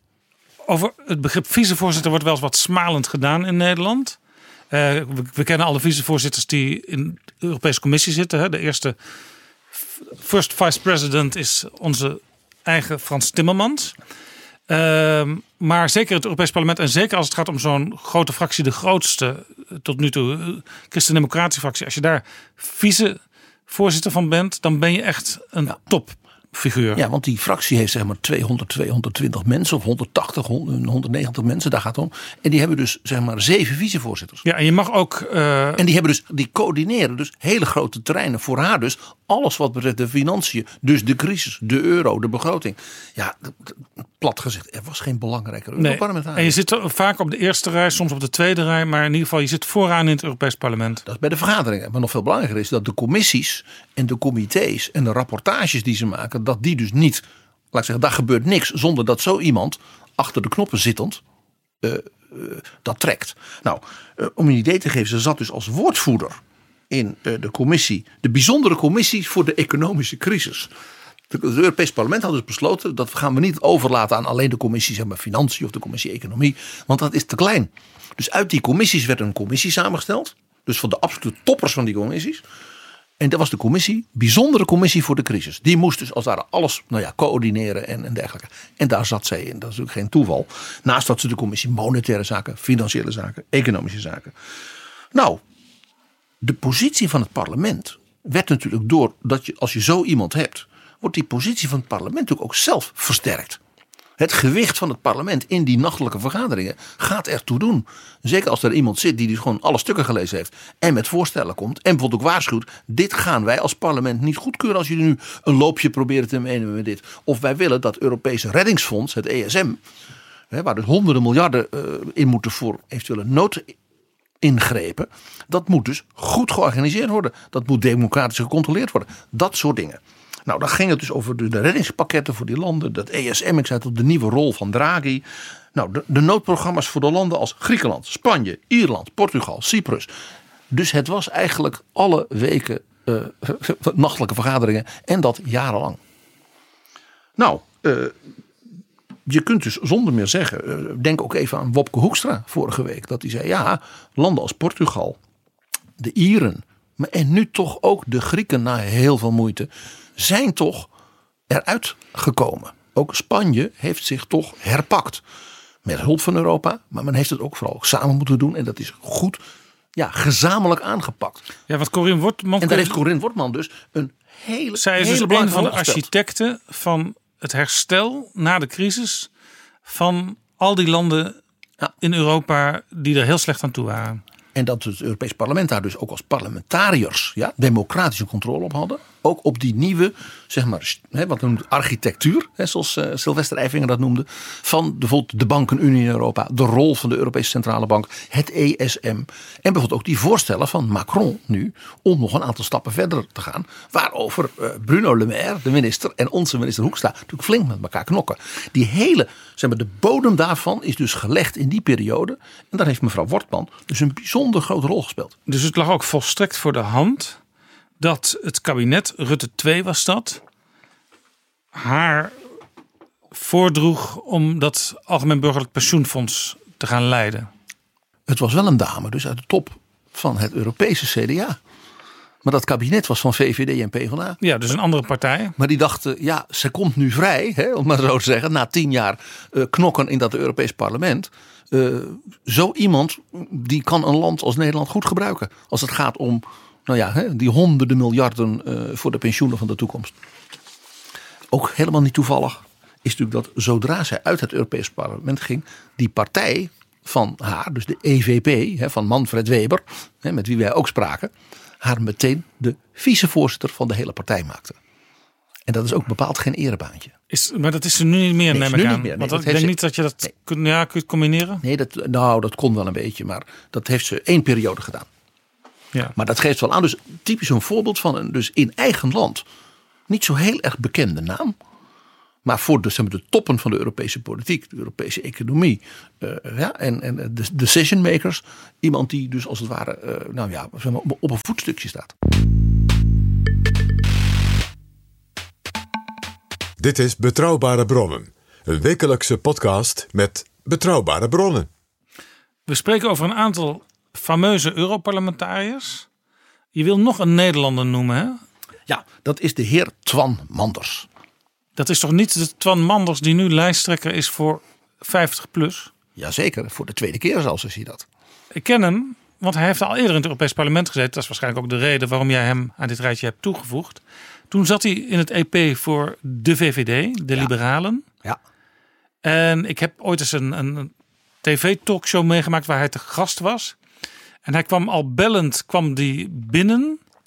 En pas toen de, de, de camera eh, aanging, legde hij zijn telefoon weg en stopte hij met bellen. Hij was voortdurend aan het praten met mensen uit het midden- en kleinbedrijf. Ja, eh, Twan Manders eh, was het, ja, het type, het voorbeeld van EP-leden, zal ik maar zeggen, waar men in de media graag over schrijft. Eh, laat zeggen, we hebben in het CDA heeft iemand gehad als Jim Jansen van Rai. Die toen ook opstapte, hè, net als Twan Manders. Die ging toen naar de LPF. Dacht dat hij voor Fortuyn minister kon worden. Dat zijn van die parlementariërs die dan voor een regio met name. Manders dus voor Brabant. En voor het MKB in die regio. En die doet alles voor ze. Die ritseldingen, eh, subsidies en lobbyt en wat al niet. Maar dat zijn dus ook mensen die in hun eigen kleine ho- hoekske steeds verhevener zelfbeeld krijgen. Want iedereen belt zo iemand. Iedereen is blij met zo iemand. Op elk feestje word je uitgenodigd. Ja, alle lobbyisten die zeggen: Twan, wat ben je een geweldige vent. Of Jim, wat ben je een geweldige vent. Ja, zo gaat dat. En daar kwam bij, hij is twee keer dus voor de VVD in het Europarlement gekomen. En allebei de keren door voorkeurstemmen. Dus zijn fans in Brabant en het MKB, die zorgden dat hij erin kwam. Ook als de partijtop misschien dacht, nou ja, moet dat wel. Maar ja, hij was eh, eh, onvermijdelijk geworden. Ik heb er een beetje moeite mee om hem op één lijn met Simone Weil, met Mario Soares en met Corinne Wortman te stellen. Maar hij is dus iconisch in mijn, in mijn manier van, van, van een bepaald type Europarlementariër. Wat eerlijk gezegd dus vaker bekendheid krijgt dan dus zulke klasbakken eh, die zo ongelooflijk veel doen. En dus het is een beetje ironie. Eh, hij is in eh, Brussel, hoe dan ook, door alles wat hij ritselde, ook tot irritatie natuurlijk van zijn eigen partij, hè, dat begrijp je wel, toch heel beroemd geworden. Door het zogenaamde slipjesberaad. Er was een overleg, hij zat in de commissie voor Het de slipjesberaad. Het slipjesberaad. Voor de interne markt. En hoewel een liberaal, zei ja, dat is in Europa, al die landen doen maar wat. En dat is vreselijk voor het MKB, hè, dat was natuurlijk zijn punt. En hij gaf als voorbeeld de, het ondergoed voor dames. En daar had hij dus een heleboel voorbeelden meegenomen. Dus had allemaal slipjes, die legde hij dus neer. En dan zei hij, moet je kijken dat die maatduidingen, hè, small, medium, large. In elk land is dat een heel ander formaat. Dus een slipje small in Finland lijkt helemaal niet op een slipje small in Spanje. Hij wist waarschijnlijk dat hij op deze manier in alle kranten zou komen met foto. Ja, dat had het allemaal bij zich. En eh, zijn collega's die schaamden zich natuurlijk ja, dood voor Ja, en dit dit, soort- niveau van redeneren. Ja, dit soort initiatieven leidden er waarschijnlijk ook toe dat iemand als Boris Johnson, eh, die journalist was uit, uit Engeland, in, in Brussel werkte, eh, die enorme verhalen in de krant kreeg over de vorm van een banaan, de lengte van een condoom. De komkommers. Waarvan de meeste verhalen een broodje aap zijn. Ja, ja klopt. En, en, en nou ja, er zijn dus Europarlementariërs, en daar is Twan Manders eh, dus een beetje een soort, soort, soort exempel van, die dat soort eh, dingen voeden. Ja. Maar ja, hij, hij, hij was dus op zijn manier ook wel weer heel ja, populair, zal maar zo te zeggen. Want hij was een gezellige man. Eh, Je kon dus ook een borrel met hem drinken. En hij deelde ook uit. En zo was hij de bedenker van de Brabant Week, de Brabant Week in Brussel. En ja, dat kon niet groot genoeg. Dus hij wou de grootste partytent van Europa. En dan moest ook het hele Brabantse bedrijfsleven en hapjes en De worstenbrood. commissaris van de Koningin erbij. Oh, je begrijpt, je begrijpt het. En ja, dan kreeg hij het weer voor elkaar. Een oud collega van hem in het Europees Parlement zei dit weekend tegen mij: PG. Ja, wij krijgen het niet voor elkaar. Maar hij weet dan iemand te vinden bij de gemeente Brussel. Een ambtenaar. Hij zegt: Ik wil niet weten hoe hij dat gedaan heeft. Maar ineens was het hele Place Lux, het beroemde Place de Luxembourg, hè, voor het Europees Parlement. Dat was helemaal afgezet. En nou ja, voor het verkeer van Brussel was het een ramp. Maar ja, dat hele plein moest worden afgezet. Want de grootste partytent ter wereld of zoiets moest daar worden gebouwd. En die moest dus ook over het verkeer. En dat was, ja, omdat Twan dat zo had geregeld. Dus ja, dat is ook een soort, soort ja, zal ik maar zeggen, wat hilarisch soort prestatie. En hij wilde forever and ever Europarlementariër blijven natuurlijk toen hij er voor de VVD in zat. Ja, en hij wilde in 2009 ook de lijsttrekker worden van de VVD. Want hij zei, ik ben zo populair en geliefd. Wat jij al eerder zei, van op een bepaald moment overstijgt zo iemand zijn eigen eh, ja, formaat. En de VVD die zei, nou daar hebben we geen zin in. En de VVD dacht, ja, maar hij is wel populair. Dus nou ja, die, die voorkeurstemmen gaat hij toch wel weer halen. En eh, nou ja, toen eh, vooruit de maar. En toen hebben ze een regel ingevoerd dat iemand niet meer dan drie termijnen in het Europees Dus Parlement 15 jaar maximaal. en je begrijpt, dit was net toevallig 2009 zijn derde termijn. En nou, dus daar is ruzie over gemaakt met de VVD. En toen heeft hij vlak voordat dus de nieuwe lijst voor 2014 moest worden gemaakt, is hij overgestapt naar 50 plus. Maar hij haalde geen zetel vijf jaar geleden. Nee, hij was dus lijsttrekker geworden voor, voor 50 plus als afsplitsing ja, van de VVD in het Europees- Parlement. Hij zette zijn kaarten op Jan Nagel en Henk Krol. Ja, Henk Krol dacht, ik ben ook oud VVD, ik kom ook uit Brabant. Exact, dat zijn vriendjes, die kennen elkaar natuurlijk al 30 jaar. En eh, zijn alle twee van de gezellige kant, zullen we maar zeggen. En eh, eh, dus de lijsttrekker van 50PLUS haalde geen zetel. En nu, vijf jaar later, is hij gewoon in de prolongatie. Ja, en ik kreeg deze week een persbericht van hem toegestuurd. Wat heel interessant was, want daar, daarin zei hij, ja, ik, eh, mijn, onze leden van 50PLUS die gaan op de zaterdag na de verkiezingsdag in Nederland bepalen waar wij ons gaan, bij gaan aansluiten. Dus een hele interessante dag, want die zaterdag dan weten we officieel in Nederland nog niet wat de uitslag is. Dat wordt pas zondagavond officieel in Europa bekendgemaakt. Maar de leden gaan dus al besluiten waar ze bij gaan zitten. Ze weten nog niet eens of ze zetel hebben. Eh, en er gaat steeds het verhaal dat ik waarschijnlijk wel weer bij de ALDE-fractie, dus de liberalen, zal willen aansluiten. Bij, bij Margarethe Versteker. En bij Sophie In het Veld. En bij Felix Klos. Asmani. Ja. En ehm, dat ligt natuurlijk voor de hand, want daar komt hij vandaan. Daar heeft hij 15 jaar gezeten. En ruzie maar gemaakt. niets is minder waar. Dat ontkende hij dus in dat persbericht wat ik in mijn brievenbus vond. Daar stond ook in, ik heb eigenlijk mijn grootste voorkeur nu op dit moment, dus er zat nog een soort van voorbehoud in, is eh, aansluiten bij de EVP, de Europese Christendemocraten. Dus bij de, zeg maar de erven van Corine Wortman. Eh, en als dat niet lukt, dan wil ik ook nog wel aansluiten bij de Europese Democratische Partij. En toen dacht ik van, hé, hey, wat is dat, wat is dat, wat is dat? Dat ging ik eens even uitzoeken. Blijkt dat de, die partij deel uitmaakt, uh, maar je moet heel diep zoeken, van de ALDE-fractie. Want hij stelde in dat persbericht ook nog als voorwaarde, dan moet die natuurlijk wel uit de huidige fractie vertrekken. En dat is de partij van de Fransman uh, Bayrou, samen met een Italiaan opgericht. Dat zijn een soort linksliberalen daar in die landen. Hè? Ja, en het interessante is. Maar Bayrou is toch een, een, bondgenoot van Macron? Ja, dus dat gaat ook van zijn lang zal zijn leven niet gebeuren. Bayrou is eigenlijk de steunpilaar, een van de steunpilaren van Macron. Heeft hem ook geholpen om president te worden. Want Bayrou zelf is altijd kandidaat om president te worden. Krijgt soms ook best veel stemmen, 10% of zo. Dat is veel voor een kleine linksliberale partij. Uh, maar hij is dus gewoon 100% bondgenoot van Macron. Dus dat feest gaat niet door. Dus ik denk toch, PG, dat de Christen-Democraten uh, op een bepaald moment een officieel verzoek zullen krijgen van de 50-plus-partij om toe te mogen treden. Esther Lange zal het toch nog meemaken dat ze zich moet verloven politiek met Twan Manders. Maar ja, arme Esther. De Christen-Democraten, we weten het uit de geschiedenis. En dit is een historische rubriek. Die zijn zo opportunistisch. Die denken elke zetel is er één. En we willen wel de grootste blijven. Uh, jij zegt het. Jij zegt het. Dit, al, dit was de iconische Europarlementariër, Twan Manders. Ja, we moeten dit even snel compenseren met een paar echte iconen. Je hebt er eentje op je lijst staan, eh, die ik ook nog wel heb meegemaakt bij mijn bezoek aan het Europees Parlement in een wat verder uh, verleden. En dat is Otto von Habsburg. De naam zegt het al, von Habsburg. Ja, eh, als Nederlander moet je dan onmiddellijk denken. De koning van Hispanje heb ik altijd geëerd. Dat was het huis Habsburg. In die tijd. Philips II. Ja, ze waren al, allemaal familie van elkaar in Europa. Ja. Karel V, in Gent geboren, sprak Nederlands. Koning van Spanje, keizer van Duitsland. Ja, uh, heerste dus ook over Oostenrijk, Hongarije, Tirol, Bohemen, ja, Moravië. Dat was allemaal het huis Habsburg. Noord-Italië. Ja, en deze man, Toscane, deze Europarlementariër... En dan heel Amerika. Ja, stop, ik stop. Deze ja. Europarlementariër was dus ook troonpretendent van het keizerrijk van die familie Habsburg. Uh, en dus eigenlijk ook koning van Hongarije. Jazeker.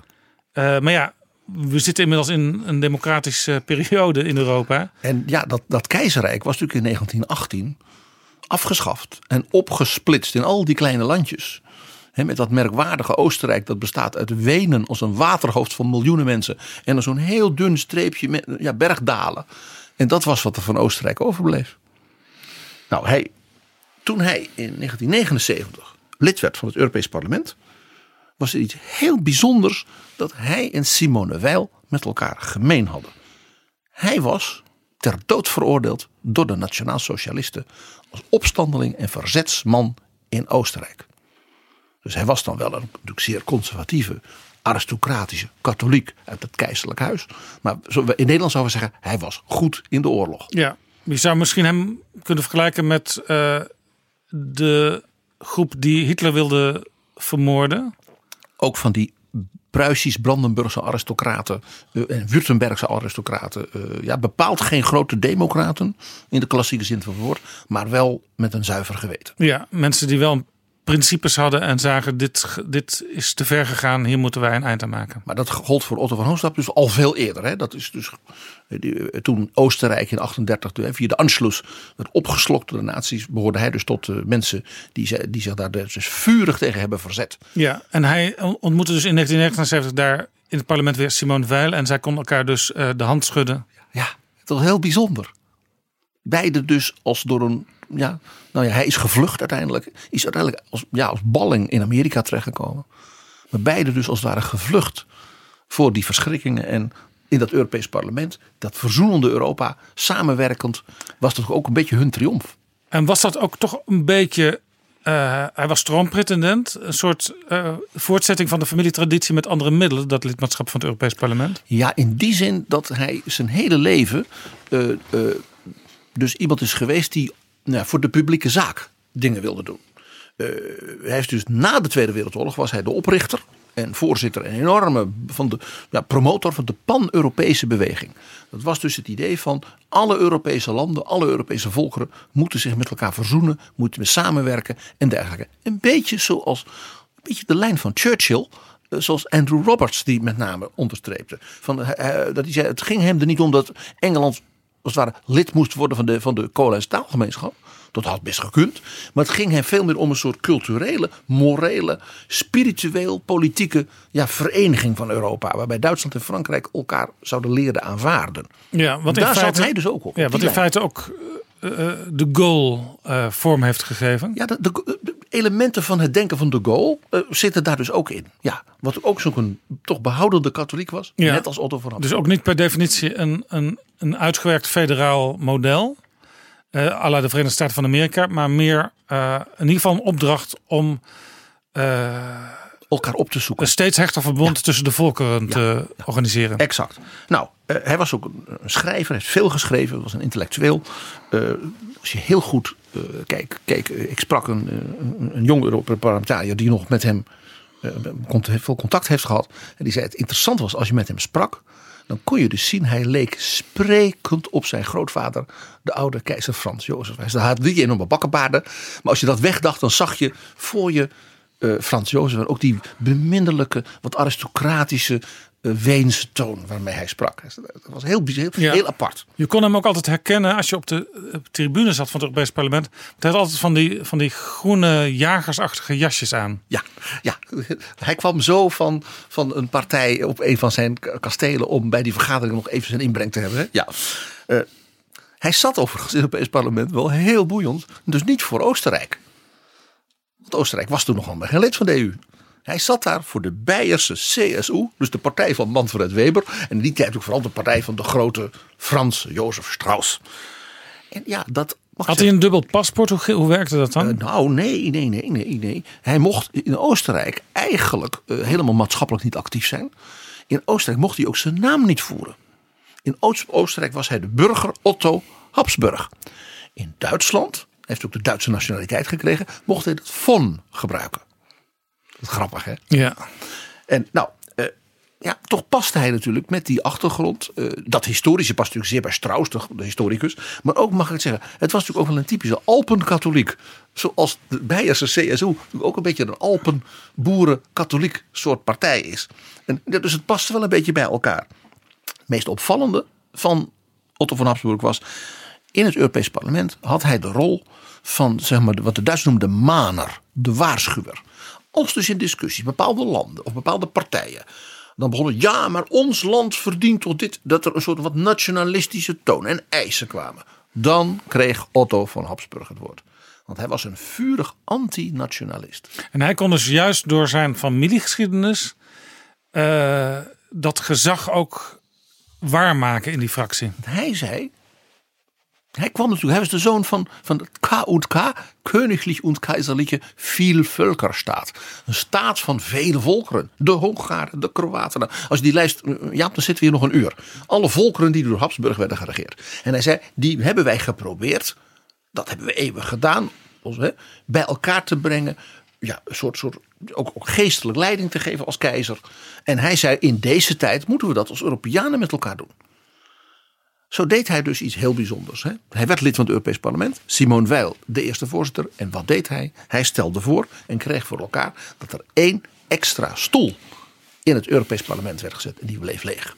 En het was de stoel voor de volkeren achter het ijzeren gordijn. Een symbolische stoel. Want hij zei, die horen hierbij.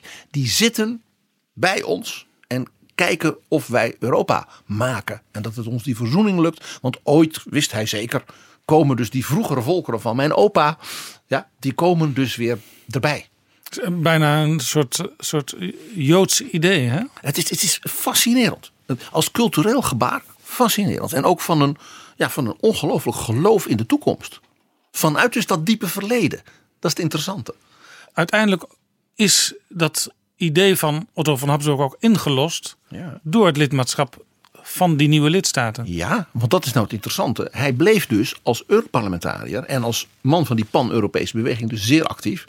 En toen in de zomer van 89 En dat zeggen we nu allemaal. Oh ja, dat weten we dat er ging gebeuren. Op dat moment wist niemand dat dat gebeuren zou. Hè? De val van de muur, de, laat ik zeggen, de executie van Ceausescu.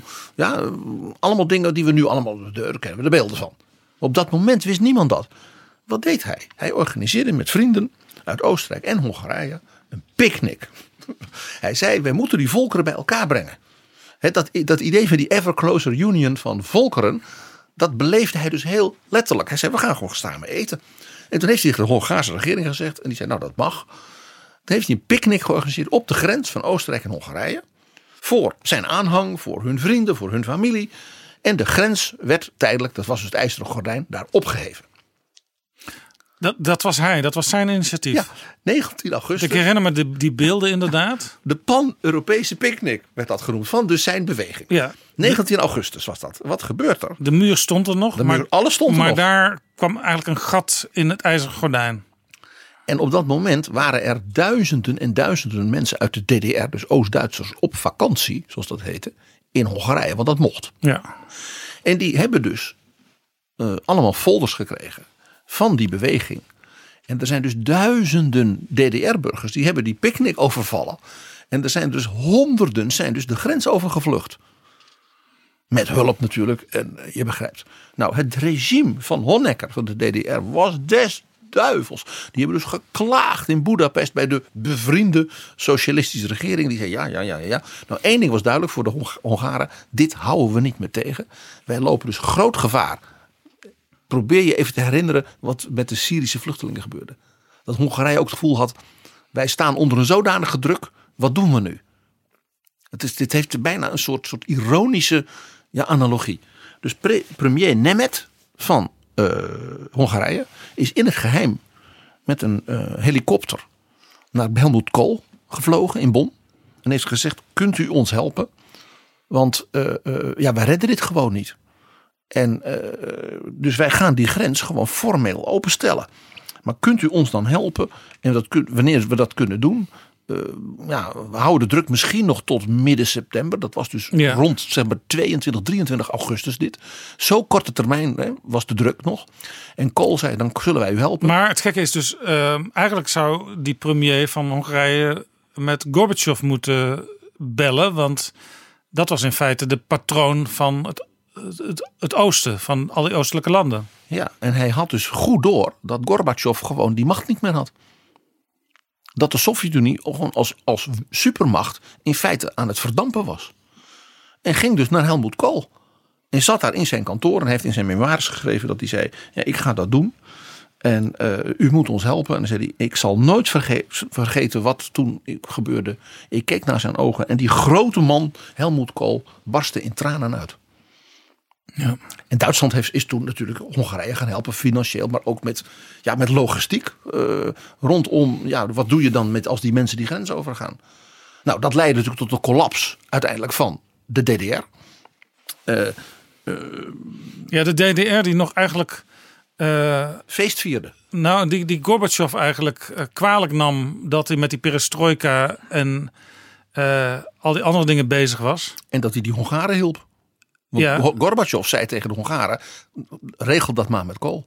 Ja, ik weet nog dat, dat uh, Honecker, de leider van de DDR, die stond nog zo'n beetje als laatste eh, bij de als erewacht met Gorbachev en zo als gast naast zich. Ja, dat was het. En iedereen wist, Gorbachev die denkt hele andere dingen dan deze meneer Honecker. Ja, En uiteindelijk viel toch de muur. ja, daar gaan we het later deze zomer nog een keer over hebben. Want toen vierde de DDR zijn 40ste verjaardag met een gigantische militaire parade met Russische tanks en raketten en wat dan niet. En Gorbachev moest dus zwaaiend en lachend ernaast staan. Terwijl hij dacht, die mensen zijn helemaal gek. Dit, dit loopt op zijn end.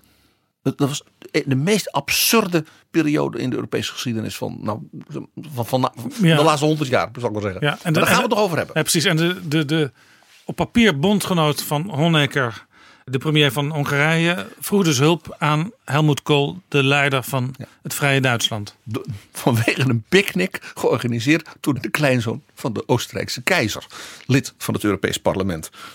Ja, je kunt een hoop zeggen, maar dan heb je als Europees parlementslid wel impact in de geschiedenis. Nou, in 1999 was hij natuurlijk hoogbejaard, want hij was geboren in, let op, 1912.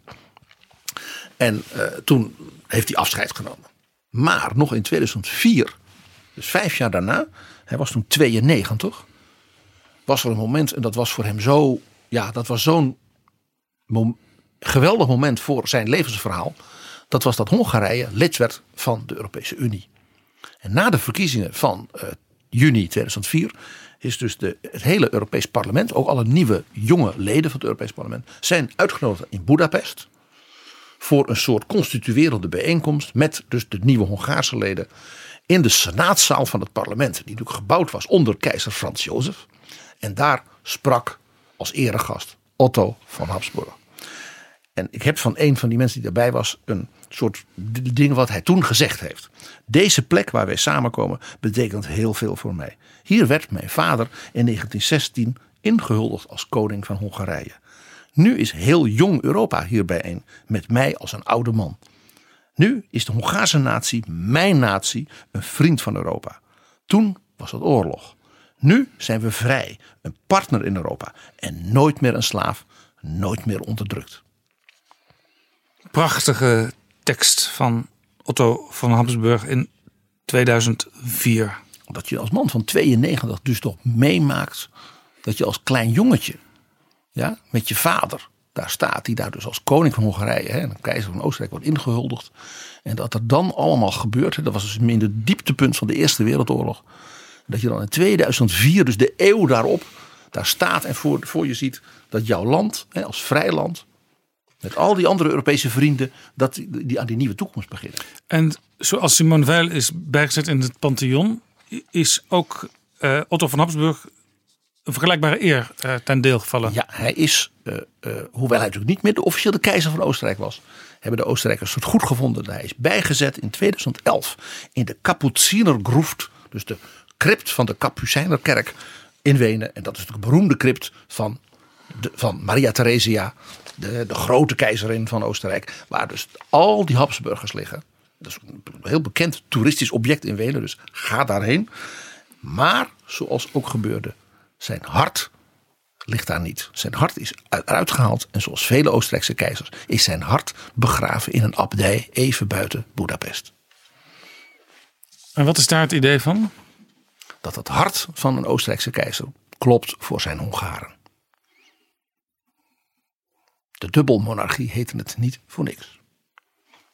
Dan blijf je toch gewoon een Habsburgse prins. Je wil nog één persoon behandelen, doorlichten. En dat is weer een heel ander type. Dat mag je zeggen. Namelijk Elmar Brok. Ja, en dat is, een, ja, dat is wat de Duitsers noemen een oergestein. Daar hebben wij in Nederland niet eens een woord voor. Maar je hoort het al, een soort oergesteente. Ja, dus denk je dat, is, dat zit waar helemaal in de aardkorst. De naam zegt het al, hè? Brok. Brok, ja, Elmar Brok. Dat is het langstzittende lid van het Europees Parlement. Die is er in 1980 als waar is hij. En, toen ging er iemand anders uit. Tussentijds ingekomen. dus vlak na die eerste verkiezing met Simon Weil en zo. kwam hij in en die gaat dit jaar eruit. Hij is nu uh, uh, aan het eind van zijn periode. Hij wilde overigens nog vijf jaar.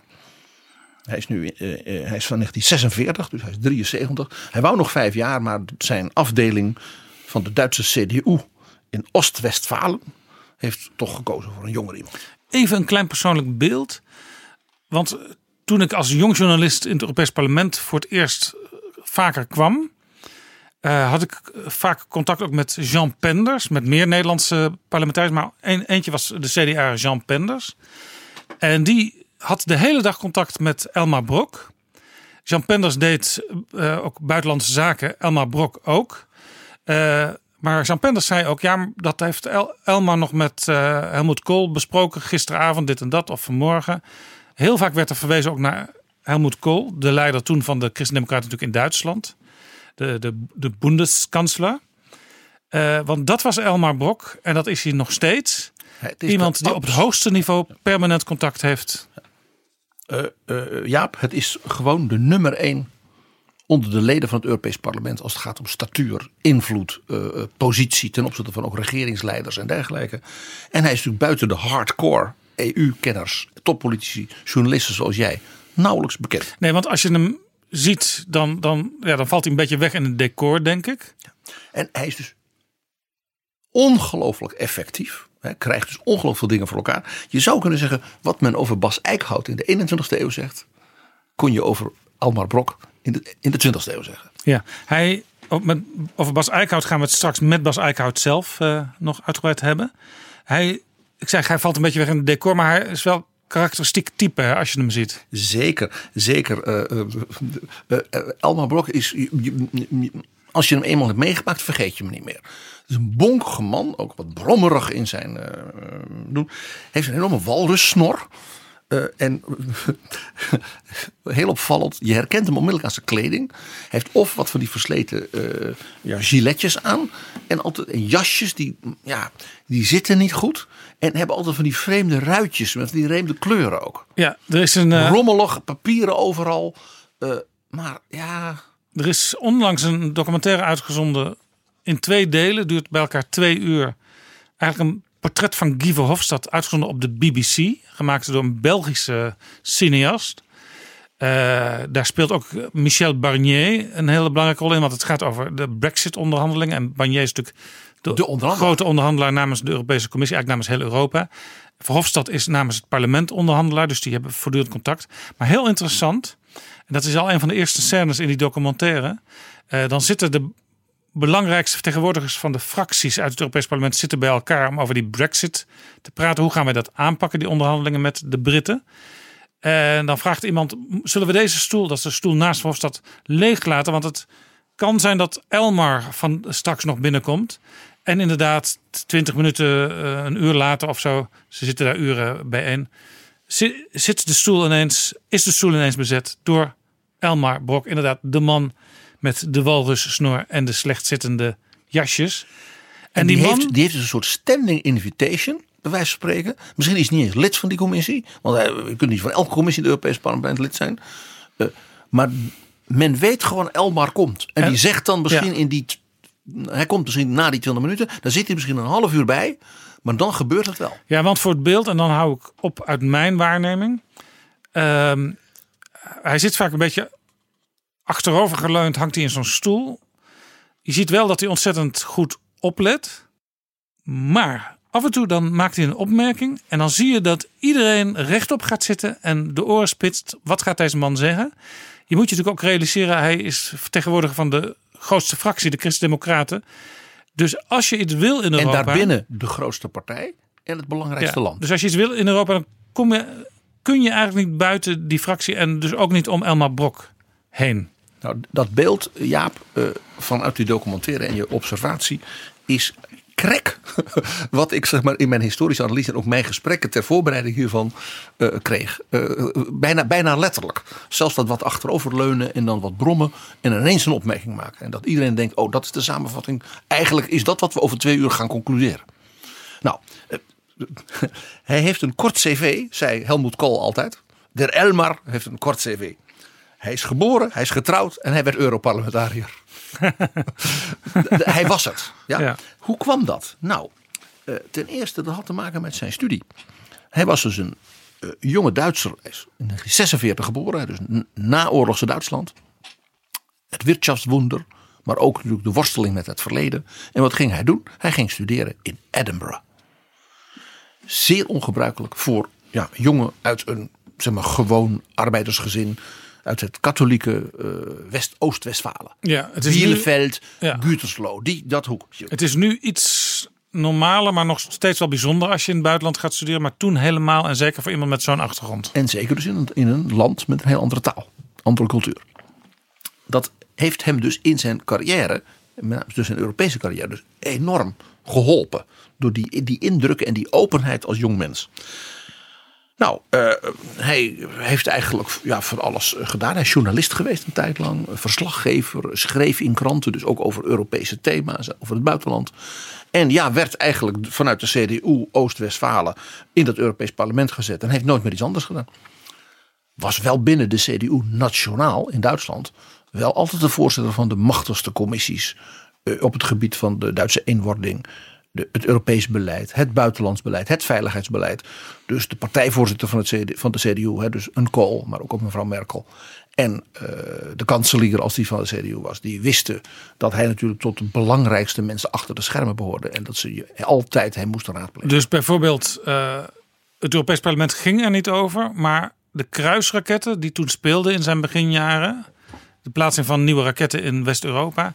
Daar was hij ook een sleutelfiguur in in de besluitvorming. Als voorzitter van de commissie Buitenland van, van de, de belangrijkste partij, natuurlijk. Uh, een van de mensen die ik raadpleeg, die zei van... oma PG, jij weet toch, Merkel belt Elmar Brok elke dag. En als zij hem niet kan bellen omdat er wat is... dan belt hij haar wel op het moment dat hij weet dat, ze, dat zij beschikbaar is. Dat is dus tot de dag van vandaag. Ja, dit spoort volledig met het verhaal... wat ik uit het begin van zijn althans begin van mijn visites aan het Europees Parlement ook uh, al meemaakte. Toen was het Helmut Kool en nu is het natuurlijk dus Angela dat is Merkel. Gewoon, on, gewoon volledig doorgegaan. Nou, uh, hij is natuurlijk de absolute senior in dat parlement nu. Dat, ja, die zit er sinds 1980 in. Dat betekent dus dat in die grootste partij, de EVP, met daarbinnen die CDU, als de posten moeten worden verdeeld. Wie maken we voorzitter van de commissie voor de relaties met Poetin, met Rusland? Wie moet China doen? Wie moet de onderhandelingen met Turkije doen? Ja? Uh, wie moet de toetredingsverdragen met de Balkan doen? Wie gaat dat doen? Dan was het natuurlijk Elmar Brok waar men naar keek. Wie, wie, wie, wie zou jij dat willen laten doen?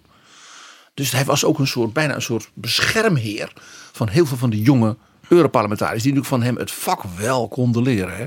Van wie anders. En in Duitsland heet zo iemand een strippenzieher. Dat is een loodjestrekker. Dus iemand die dat, het loodje trekt en jou dan zegt: dit ga jij doen en dat ga jij doen.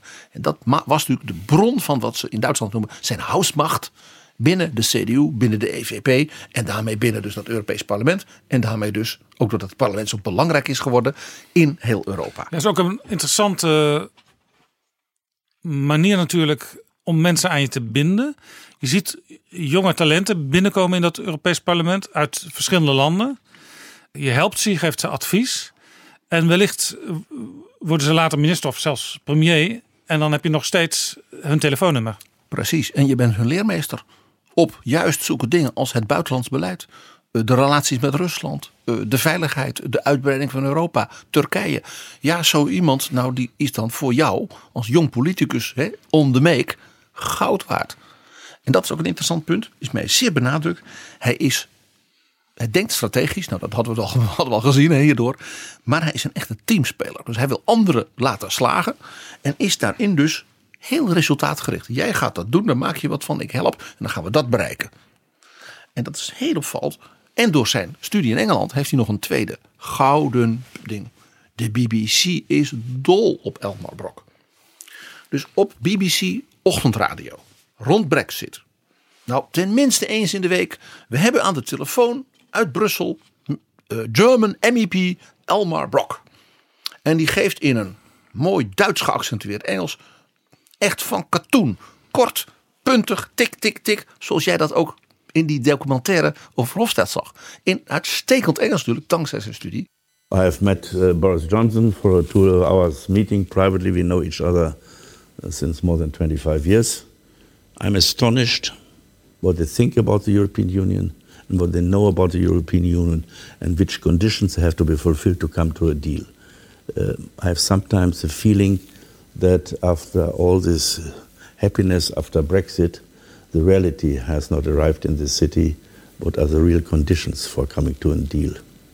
And also the technical implications which have to be fulfilled. But do you have a clearer idea of their plan? I have no clear idea of that plan because they have no idea of their plan. En dan zegt de BBC-radio bijna altijd: Remember, when Mr. Brock speaks, you hear what Chancellor Merkel thinks. En dat spreekt hij dan niet tegen. En dat zegt hij, dat, dat, dat, is, dan is hij al klaar. Ja, nou, hij heeft nog een tweede geheim zeg maar, van zijn, uh, ja, zijn ongelooflijke positie en invloed en dus ook rol. En dat is zijn sensitiviteit. Want die walrussnor en dat brommerige, daar zit dus nog wel een, daar zit ook een mens onder. Hè? Dat is wel duidelijk. Uh, hij snapt andere landen, andere culturen. Ik denk dus zelf door zijn studietijd daar in Schotland want Schotten zijn weer anders dan Britten. En, en Engelsen en Welshmen. Dus dat heeft hij als gelijkwaar in zijn jeugd al meegekregen. Ja. En daar speelt hij dus ook op in. En daardoor kan hij dus met mensen uit andere landen in zo'n Europees parlement, premiers van andere landen, politici, ja, ook die grote lijnen als het ware voortdurend naar het Europees parlement trekken. Want hij heeft het Europees parlement natuurlijk het centrum gemaakt van de discussie over buitenlands beleid in Europa. Want die discussie wordt niet gevoerd in de Europese Commissie. Nee, wat overigens uh, heel interessant is, want... Het is het parlement dat de resoluties bepaalt. Het parlement dat over die uitbreiding, dat Poetin onder druk zet op mensenrechten, dat Erdogan onder druk zit. Ja, toch moet ik hier een kanttekening maken, want ik hoor altijd uh, uit uh, politieke partijen, en dat staat ook een beetje beschreven in het boek van Chris Alberts over de Europarlementariërs uit Nederland. dan wordt er gezegd, ja, uh, als je echt invloed wil uitoefenen, dan moet je niet in de buitenlandcommissie van het Europees Parlement gaan zitten. Want het Europees Parlement kan wel resoluties aannemen en zo, maar echt, het zijn geen wetten. Dus ja, niemand hoeft zich er iets van aan te trekken. En jij zegt eigenlijk, dat is wat, wat, wat schamel geredeneerd. Ja, want de Nederlandse Commissie Buitenlandse Zaken, de Tweede Kamer, neemt ook nooit wetten aan. Dit is dus denken vanuit een regel-Europa. Uh, Luc van Middelaar heeft ons geleerd dat dat regel-Europa juist is vervangen door wat hij noemt het incident in Europa. Er gebeuren dingen in de wereld en daar moet Europa op reageren. En daar zat zit Elmar Brok. Want die weet dan precies. We gaan nu dit doen. We gaan met dat land die onderhandelingen. We gaan de commissie die belast is met de relaties met, met Poetin met Rusland, die gaan we dus, uh, uh, uh, laat ik zeggen, een hoorzitting laten organiseren over die mensenrechten schending, de Magnitsky-wet en, en allemaal dat soort dingen. Ja, ik weet ook uit bijvoorbeeld. En de onderhandelingen met Turkije, die, dat, daar zetten ze een rapporteur op. In Nederland is dat volstrekt, wordt dat volstrekt niet geregistreerd, maar als bijvoorbeeld in Latijns-Amerika problemen zijn in een land, ik noem nu maar bijvoorbeeld Venezuela. En een Europarlementariër schrijft daar een rapport over en krijgt daar een meerderheid voor in het parlement dat is groot nieuws. Dat staat in de, op de voorpagina's in Latijns-Amerika. In, in Nederland weten we dat helemaal niet. Een voorbeeld. Je geeft het letterlijke voorbeeld. Zeer onlangs was er een een werkbezoek van Europarlementariërs aan Venezuela. vanwege de grote economische ellende daar. En zij willen dus geld uit Europa en leningen en dat soort dingen. Ja, dat snap je. En natuurlijk de verschrikkelijke toestanden met dat regime. Die zijn op het vliegveld ja, in Venezuela opgepakt.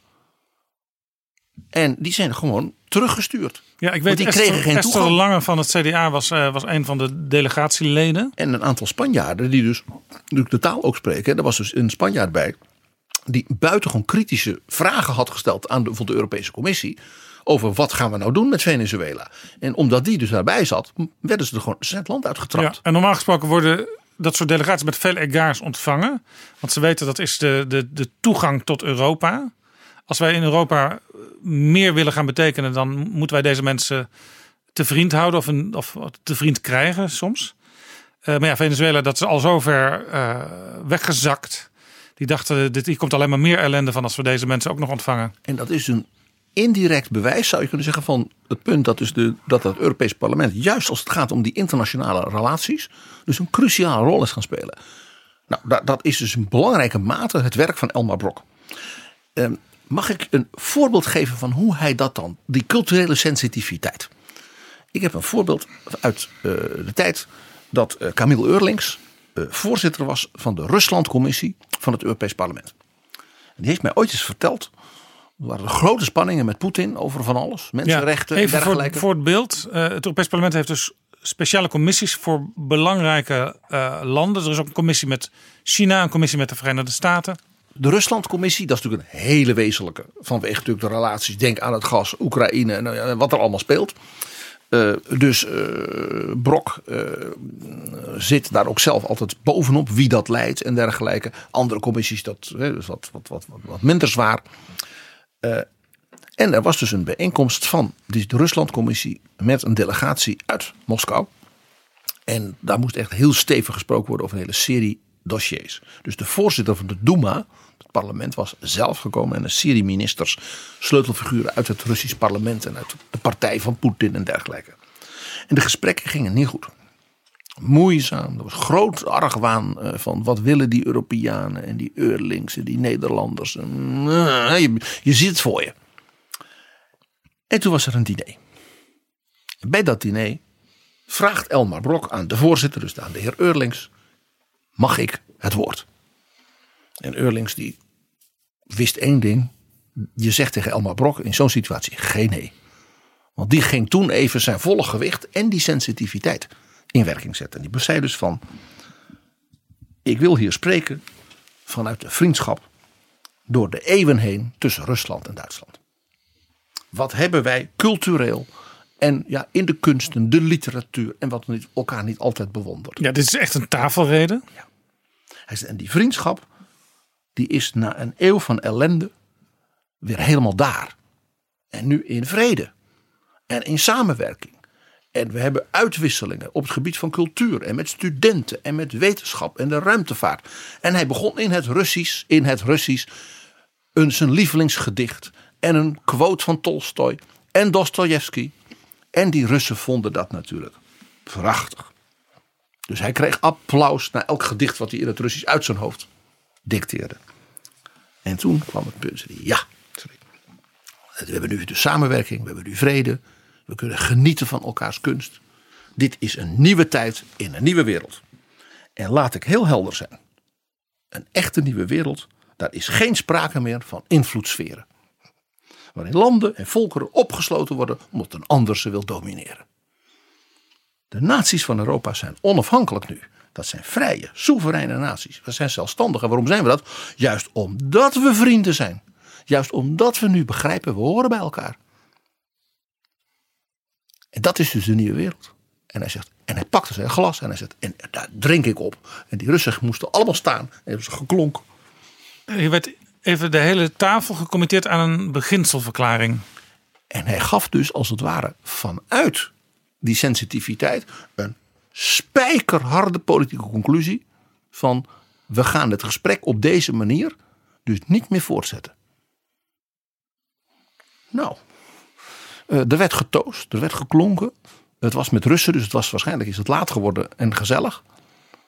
Maar dit is een soort effectiviteit en een soort ook politieke, mag ik zeggen, power. Ja? In combi met dus dat weten waar je de, je gesprekspartner mee raakt. En hoe je hem als het ware een stap verder krijgt misschien dan die oorspronkelijk van plan was. En dat is natuurlijk effectieve politiek. Dan ben je dus echt een heel effectief politicus. Eigenlijk zouden we Elmar Brok moeten vragen of hij informateur wil worden bij in de volgende kabinetsformatie in Nederland. Uh, ik weet niet of hij als Duitser daar nou geschikt voor is. Want dat is een heel apart vak. Al, maar het type, type Elmar Brok, dat zou wel een hele goede kunnen zijn voor zo'n rol. Als ik je nou vertel dat bij de afgelopen kabinetsformatie van mevrouw Merkel uh, met uh, meneer Scholz. De sociaaldemocraat? Ja, de collega financiën van Wopke Hoekstra. Waar we het vorige week over hadden. Dat voor het onderdeel Europa en buitenlands beleid de CDU daar dus niet een lid van de Bondsdag had zitten, maar Elmar Brok. Ja, dat geeft wel aan hoe belangrijk hij is. Dus de Europese verkiezingen van het 2019 voor het parlement is het eind van een tijdperk. Dat is einde der Elmar-era, zouden de Duitsers zeggen. Want dit is voor Europa, gaat er een nieuwe tijd beginnen. En wat is opvallend, hier zie je dan weer Jaap. Geschiedenis wordt soms geschreven door mensen en door omstandigheden die maar heel weinig mensen onderkennen en zien. Toch nog eventjes, want het is ook wel een tragisch moment denk ik. Je vertelde hoe hij zeer invloedrijk was in het verdelen van uh, banen. Hoe hij ook uh, jonge talenten verder hielp, omhoog hielp. Ik heb een tijdje geleden een interview met hem gelezen en daar bleek eigenlijk toch wel uit dat hij met grote moeite en eigenlijk heel veel tegenzin nu afscheid neemt na bijna 30 jaar. Maakte de 30 jaar net niet vol. Lidmaatschap Europees Parlement. Ja, ja, dat, uh, ja daar heeft er moeite mee. Hij wou nog vijf jaar. En zijn afdeling, Oost-Westfalen, Bielefeld, Gütersloh, heeft gezegd: Ja, Elmar, dat, dat begrijpen we. Maar ja, een jonger iemand. Uh, dus die won bij een stemming. Hij heeft het op een stemming laten aankomen in de afdeling. En die won, die andere kandidaat. Ja, en eigenlijk ook een beetje is hij overklast met zijn eigen argument. Namelijk, je moet jongeren ook de ruimte geven. Ja. ja. Uh, tout wie politiek finis en naufrage. Volgens mij hebben we dat van de Gaulle al vaker in betrouwbare bronnen geciteerd. Elk politiek leven, elke politieke carrière eindigt in schipbreuk. Dit waren zes mooie verhalen. Simone Weil, Mario Suarez, Corine Wortman, Twan Manders, Otto van Habsburg. En tot slot Elmar Brok. Dankjewel, PG, voor deze geschiedenissen. Dankjewel, Jaap.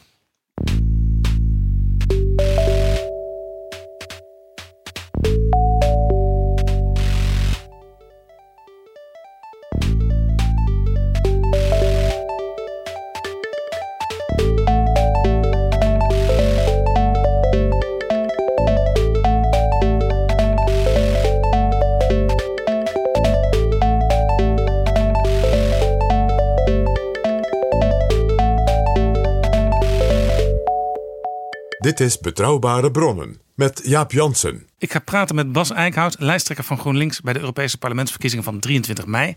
En spitsenkandidaat van de Groenen in het Europees Parlement in duo met zijn Duitse collega Ska Keller. Welkom in Betrouwbare Bronnen, Bas Eickhout. Dankjewel. U bent de derde spitsenkandidaat die ik ontvang in Betrouwbare Bronnen. Eerder waren het gast Manfred Weber van de Christendemocraten Mhm. en Margarethe Vestager van de Liberalen. Weber is dé kandidaat van de Christendemocraten. Een andere Nederlander, Frans Timmermans, is dé kandidaat van de Europese Sociaaldemocraten. Vestager is één van de zeven liberale kandidaten. En u bent er één van twee groenen. Ja. Hoe serieus moeten we uw kandidatuur nemen? Serieus. Uh, kijk, wat interessant wordt met de komende verkiezingen is dat, uh, dat eigenlijk voor de eerste keer in de Europese geschiedenis uh, de Christendemocraten en Sociaaldemocraten samen waarschijnlijk geen meerderheid meer hebben. En dat is tot nu toe altijd het geval geweest in het Europees parlement. Die twee grote machtsblokken in het centrum, die hadden samen een meerderheid. En die hebben daar eigenlijk ook bijna altijd de baantjes verdeeld onderling. Uh, dat gaat nu niet meer lukken. Ze hebben geen meerderheid meer en dat weten ze. Dus ze zullen naar andere coalities moeten kijken. En uh, ja, goed, dan is natuurlijk de vraag, waar gaan ze naar kijken? Ik denk wel dat de kans dat Manfred Weber het grootste wordt, is natuurlijk heel groot. Maar uh, ja, dan zal hij toch moeten gaan bepalen: ga ik, over, ga ik meer naar mijn rechterkant kijken? Maar goed, rechts van de Christendemocraten wordt het wel ja, steeds moeilijker. Je zou zeggen, het wordt steeds donkerder aan die kant. Uh, en naar links kijken, ja, vroeger kon dat met de Sociaaldemocraten, maar dat kan niet meer. Ja, dan komen de Groenen ook aan boord.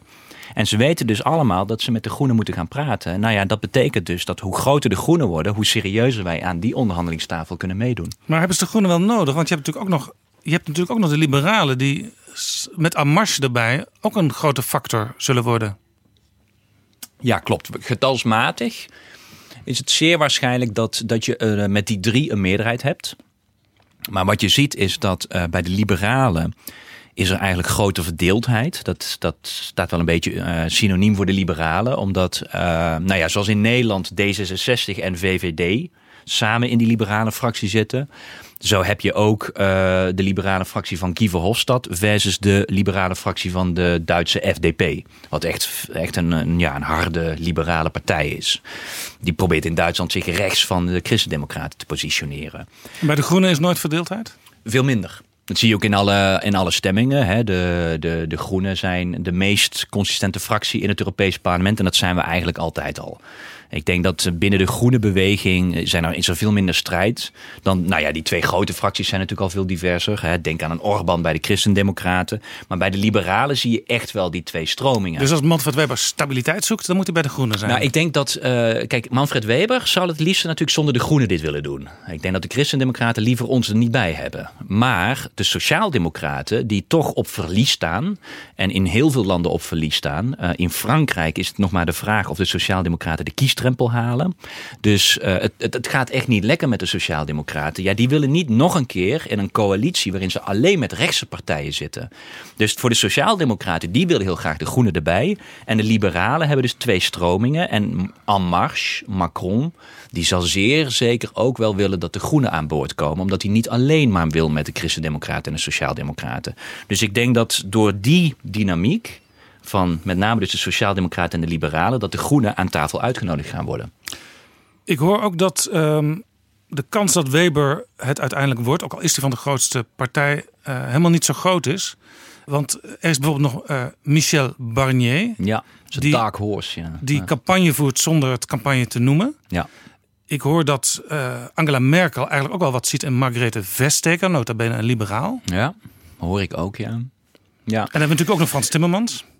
Ja, um, om heel eerlijk te zijn, uh, acht ik de kans ook niet zo groot dat het een van de twee spitsenkandidaten van de twee grote fracties worden. Uh, bij Manfred Weber komt dat ook echt wel omdat hij um, tot nu toe zich ook wel heel erg beperkt als, als, nou ja, als een leider opstelt. Even een heel simpel voorbeeld. Um, er was een hele discussie in Griekenland over hè, de nieuwe naamgeving van Macedonië. Nou, dat gaat nogal over een nogal fundamenteel iets, namelijk de stabiliteit van de westelijke Balkan.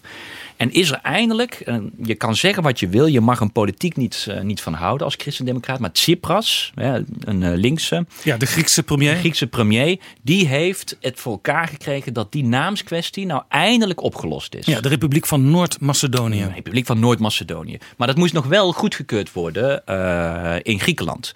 Heel heftig debat. En de Griekse christendemocraten gingen daartegen in natuurlijk. Vanuit politieke overwegingen gingen zij campagne voeren tegen die naam. Weber heeft de Griekse christendemocraten daarbij gesteund.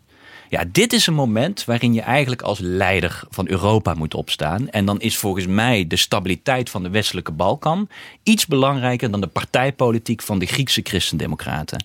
En dit laat zien, dit, is, dit laat zien dat Weber eigenlijk zelden die partijpolitiek weet te overstijgen. Ja, dat is waarom zijn positie zwak is. En waarom is de positie van Frans Timmermans zwak? Nou, dat heeft er ook weer mee te maken dat de christendemocraten, die zal die nodig hebben. Nou ja, de christendemocraten, als het niet Manfred Weber wordt, dan wordt het wel heel erg moeilijk voor hun om dan maar even een Frans Timmermans te accepteren. Dus daar zit al heel veel. Uh, dan wordt het eerder Barnier of misschien zelfs Vestager. Nou, daar komen we zo op. Maar er komt natuurlijk ook wel binnen dat de, de sociaaldemocraten gaan verliezen.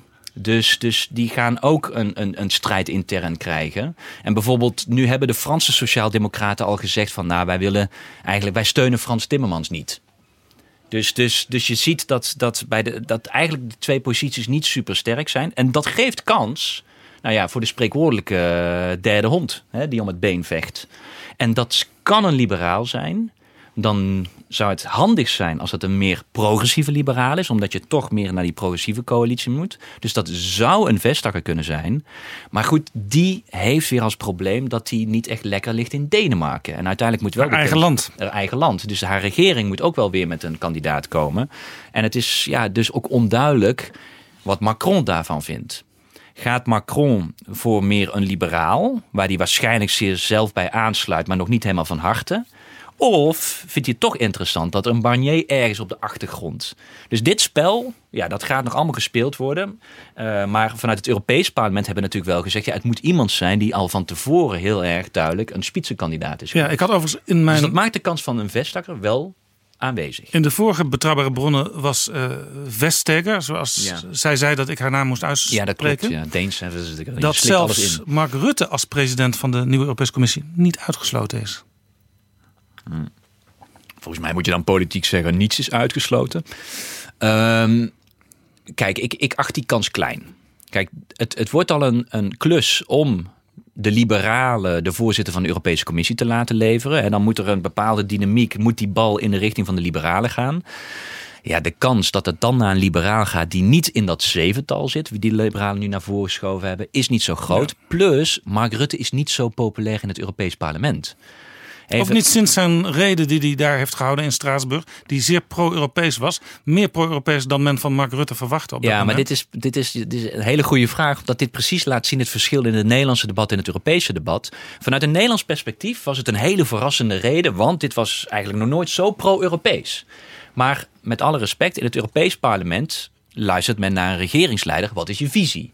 En dat je dan pro-Europees bent, wat je vroeger niet was, is niet iets wat in het Europees dat je denkt: oh jee, dat is verrassend. Die willen gewoon een visie horen. En kijk, behalve die toon die anders was, was de visie natuurlijk wel heel erg sec-liberaal nog steeds. Een, een toch al dun Europa. Met wel een mooi pro-Europees sausje. Maar ja, dat doet elke regeringsleider. Dus daar wordt wel doorheen geprikt. Vervolgens luistert men naar het verhaal. En dat was niet heel. Dus ik heb niet heel interessant. Dus ik heb heel veel collega's van. Jee, wat was dat een slap verhaal. Terwijl in Nederland het nieuws was. Het is nog nooit zo pro-Europees geweest. Maar dat was ja, in het Europees parlement niet de perceptie. Deze hele discussie, die fascinerend is als je van de politiek houdt. En zeker de Europese politiek, de Europese historie zoals ik. Uh, hier spreekt PG Kroeger. Ja. uh, heeft natuurlijk nog een andere dimensie. En dat is dat het voorzitterschap van de commissie onderdeel is van een heel Spel. weefsel. waarin ook de voorzitter van het parlement Ja. een rol speelt. De opvolging van Mario Draghi. Ja. Ongelooflijk belangrijk. En natuurlijk de opvolging van Tusk. M- Als ik hoor, en Jaap hoort dat ook. En ik hoorde het toevallig ochtend heel vroeg vanuit contacten in Brussel zelf. Dat eh, mevrouw Merkel zeg maar, nog allerlei opties openhoudt. En zelfs bewijzen en Vestager eh, op die stoel van Juncker. Dan betekent dat mevrouw Merkel ook nog aan het hele gaan nadenken is over dat zij zowel de post van Tusk voor de Christen-Democraten wil. als iemand van haar zin, misschien wel als opvolger van Mogherini. En iemand van haar zin, de Duitse lijn, als opvolger van Draghi. En dat ze bereid zou zijn haar Beierse jonge vriend op te offeren. Want die wordt vast nog wel, hij is nog jong, over tien jaar iets moois. Ja, nou ja, ten eerste, eh, eh, het klopt helemaal wat je zegt hoor. Ehm, eh, ten eerste, de liefde van, van Merkel voor Manfred Weber is ook wel erg eh, rationeel. En de dat lief- is bij haar alles natuurlijk. Ja, maar deze was wel extra, omdat deze liefde werd ook afgesproken één maand voor de verkiezingen in Bayern, waarin ze heel veel ruzie had met de CSU. Hè, dat weten we allemaal. Ze had iets goed te maken. Nou, ze wilde graag de wat meer. Kijk, Weber is vanuit onze perspectief een aardsconservatief. Vanuit een Bayers perspectief is hij, is hij een van de modernere binnen de CSU.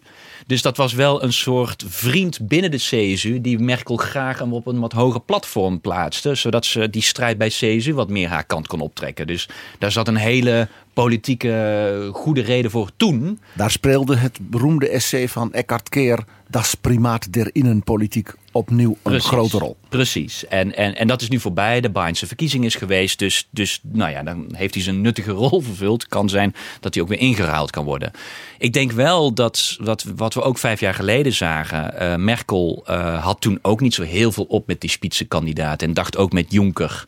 Ja, daar komen we wel weer vanaf. Maar toch, de dynamiek, met name in Duitsland rondom spitsenkandidaten, is toen zo groot geworden dat ze er niet meer zo makkelijk vanaf kwam. Dat zie je nu ook wel weer. Eh, bijvoorbeeld in Duitsland zijn er gewoon op de twee hoofdzenders, ARD en ZDF, zijn er twee spitsenkandidaatdebatten tussen Weber en Timmermans. Dus ja, En dat dat geeft wel kun een je- politieke dynamiek die je moeilijker kan negeren na- later. En dat kun je van onze Duitse broeders in Europa natuurlijk alleen maar bewonderen, waarderen. En je zou zeggen, doe dat hier in Nederland ook eens. Ja, ze, ze nemen dat Europese debat heel serieus in Duitsland. Ja, absoluut. ik zag een debat in Maastricht waar u ook aan deelnam. Ja. Eh, maar dat moest via webstreams eh, worden bekeken. Dat was niet op de nationale tv in Nederland. Nee, ja, volgens mij NPO Politiek. Ja, oké, maar dan moet je weten dat het daar is. Juist, ja. Nee, nee het, het, het, aangekondigd. het is niet uitgezonden eh, op een, op een, op een Nederlandse zender, dat klopt.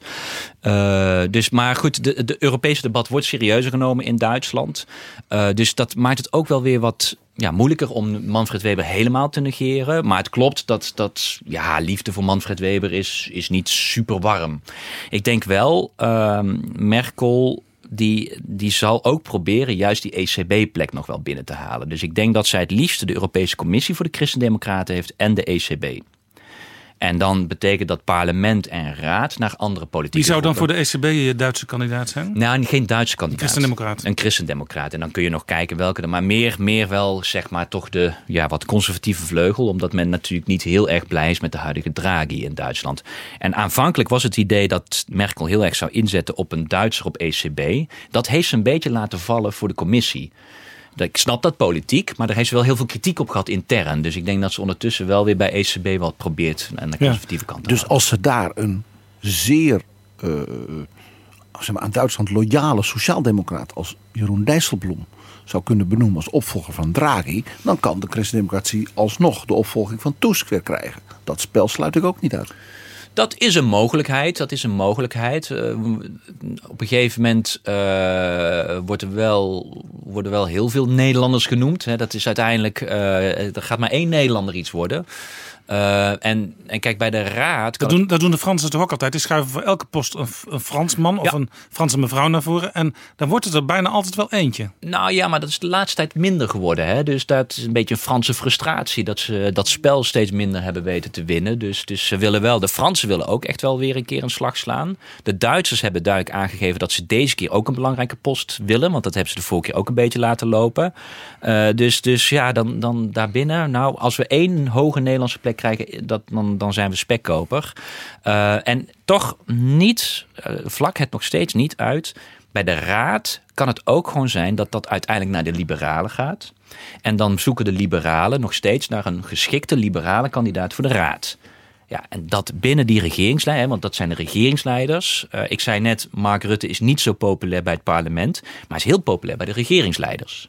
En hij zit er al heel lang en hij heeft heel veel verschillende kabinetten gaande weten te houden. Ja, dat valt op. Dus bij de regeringsleiders wordt hij toch wel gezien als een serieuze kandidaat. Dus als de liberalen een post krijgen, zal er naar Mark Rutte worden gekeken. Ja, we hebben nu vijf namen genoemd voor de functie van president van de Europese Commissie. Maar u wil zelf toch ook president worden? Ja. We hebben er vijf genoemd. Uh, nou, kijk, eh, wat ik heb gezegd is dat er dus ruimte komt voor een derde hond. Dus die met de benen vandaan gaat. Omdat ik niet inschat dat het een christendemocraat of een sociaaldemocraat wordt. Nou, en u bent bloed, bloeddorstig genoeg om met dat been er vandoor te gaan? Die bal kan gewoon ook naar de groene rollen. Chantois. Ja, dat kan zomaar zijn. Kijk, de kans dat het een liberaal is, is groter. Maar het kan ook de groene. Het kan ook in de richting van de groene rollen.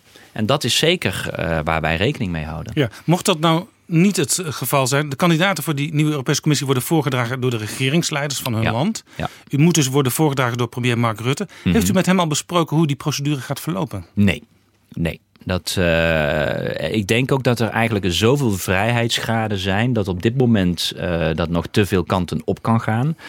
Maar op het moment, en dat, dat, dat weten we wel, uh, Mark Rutte is een pragmatisch mens. En op het moment als hij ziet dat een Nederlander een grote functie kan krijgen, dan, dan, kan, dan zal hij daar flexibel mee omgaan. Dat weet je wel. Dat is natuurlijk ook waar Frans Timmermans op uh, inzet. Omdat PvdA zit niet in het kabinet. Maar we weten dat, dat vanuit een Nederlandse optiek, met name dan bij Mark Rutte, dat een, een, een goede plek in Europa, ja, daar wil het kabinet aan meewerken. Ja, Timmermans heeft geen garantie hè? vanuit Nederland. Nee, volgens mij is dat bij de politiek altijd garantie tot de deur. Mark Rutte is pragmatisch en flexibel. Ja, het had wel geholpen natuurlijk als GroenLinks gewoon in het Nederlandse kabinet had gezeten nu. Voor die posten uh, ja, dat, dat, had, dat had geholpen. Maar um, in alle respect ben ik wel blij dat we toch niet in dit kabinet zitten. Welke post wilt u eigenlijk? Nou, ik, ik, loop, ik ga er nu voor om voorzitter van de Europese Commissie te worden. Uh, mocht dat niet lukken, dan zijn er natuurlijk nog allerlei andere mogelijkheden binnen het Europees Parlement. Maar kijk, Mocht nou de bal zo rollen dat Nederland de plek krijgt van de eurocommissaris die alles op klimaat en energie gaat doen, ja, daar ga ik geen nee tegen zeggen. Is dat de post die nu door de Spanjaard eh, Miguel Arias Canete gedaan wordt? Ja, maar ik zou dus, en dit, dit is een van onze eisen wel, is dat in de nieuwe Europese Commissie zou dat die post wel een hogere plek moeten zijn. Nu was het één van de 28 en er waren wat vicevoorzitters, maar daar zat Canete niet eens bij. Dat was echt een van de, ja, de posten daaronder. En dat laat ook een beetje zien hoe deze Europese Commissie klimaat belangrijk vond.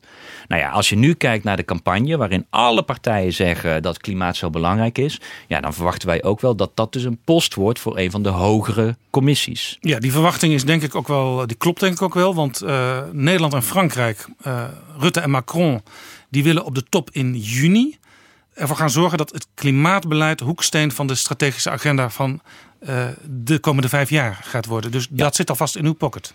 Dat is, uh, dat is in ieder geval een mooie insteek. Dat is nog niet geregeld, hè, want dat moeten meer landen dan vinden. Uh, daar, wordt, uh, daar wordt over onderhandeld bij de, bij de, onder de regeringsleiders. Maar de inzet van Nederland en Frankrijk is wel dat klimaat een veel prominentere plek gaat innemen. Ik verwacht ook wel dat dat een van de prioriteiten van de nieuwe Europese Commissie gaat worden. Nou ja, dat moet dan ook zijn weergave hebben in de posten van vicevoorzitters. Nou, als die regeringsleiders dat dan gaan doen op initiatief van Rutte en Macron in juni. Mm -hmm daar zit dus niet één groene bij van uw club? In de, bij de regeringsleiders nog niet, nee. Nee, nee. En het zijn dus twee jonge liberalen met uh, drive die dat gaan doen. Waarom zouden de mensen eigenlijk nog op u stemmen voor klimaat? Want het zijn dus anderen die het doen. U, u schiet geen deuk in een pakje boter. Dat is een leuke poging. Uh, ten eerste moeten we maar eens even kijken hoe lang de prioriteit van uh, deze uh, jonge heren, zoals u dat zegt, uh, dat dat klimaat blijft. De, de prioriteit. Als dat, als dat in juni wordt afgesproken in de strategische agenda voor vijf jaar, dan is dat voor vijf jaar, dat weet u best. Ja, maar dat is hartstikke leuk. Dat is dan op papier een prioriteit. Maar dan weet u ook heel goed dat er dan vijf jaar voor geknokt moet worden om ervoor te gaan zorgen dat die klimaatprioriteit ook echt inhoud krijgt. Want op papier zetten dat klimaat belangrijk is, dat heeft Juncker zelfs al gedaan. Ik bedoel, dat is niks nieuws. Waar het om gaat is welk beleid gaan we voeren. Gaan we eindelijk de luchtvaart een keer uh, de rekening laten betalen? Gaan we het landbouw echt hervormen?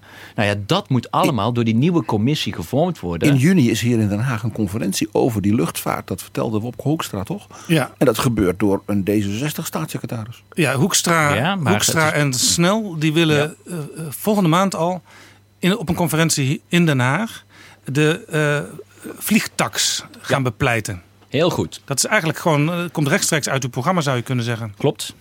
U mag En- dus achteraan sluiten.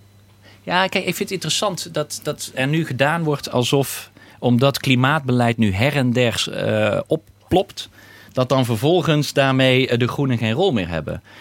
Ten eerste, waarom is dit nu in één keer zo bij andere partijen binnengedrongen? Dat komt omdat op de straten nu gewoon mensen, scholieren, allemaal vragen om klimaatactie. Dat is niet uit En- hun eigen. En het bedrijfsbedrijfsleven wil het. Steeds dat weet u ook. De wetenschap wil het en het bedrijfsleven wil Ja, het. bedrijfsleven is natuurlijk heel dubbel erin. Ja, maar toch. Jawel, maar goed. Het, ja, maar het punt is nou net, ze zitten er dubbel in. En dat is het interessante. Kijk even naar een Shell. Een mooi voorbeeld. Shell roept ook dat ze klimaatbeleid willen. Maar als je dan gaat kijken, wat betekent dat? Ze willen een hogere CO2-prijs. Want dan kunnen ze hun gas verkopen. Maar ze zijn tegen beleid op duurzame energie. Want dat is hun concurrent. Dus ze willen een hogere CO2-prijs omdat ze dan van kolen afkomen. En dan gaan ze meer gas verkopen. Dat is het klimaatbeleid van Shell. Vooral meer gas verkopen. Nou ja, dat is ook het klimaatbeleid van Rutte. Rutte stopt wellicht met gasboren in Groningen. Maar zit ondertussen nog steeds allerlei pijpleidingen van Rusland naar Duitsland te verdedigen. Gaspijpleidingen. Dat laat zien dat het prachtig is dat een Rutte over klimaat praat. Dat hij zelf zegt van ik doe beleid, ik stop met eh, boringen in Groningen. Maar als je dan vervolgens daarachter kijkt, zie je nog een klassieke Shell-agenda. Nou ja, daar heb je dus nou net de groene voor nodig om ervoor te zorgen dat het klimaatbeleid niet alleen in mooie woorden er is, maar juist ook in praktijk en in beleid. Maar toch, we komen van ver. U studeerde scheikunde en milieukunde in Nijmegen. En u werkte bij wat nu het Planbureau voor de Leefomgeving heet.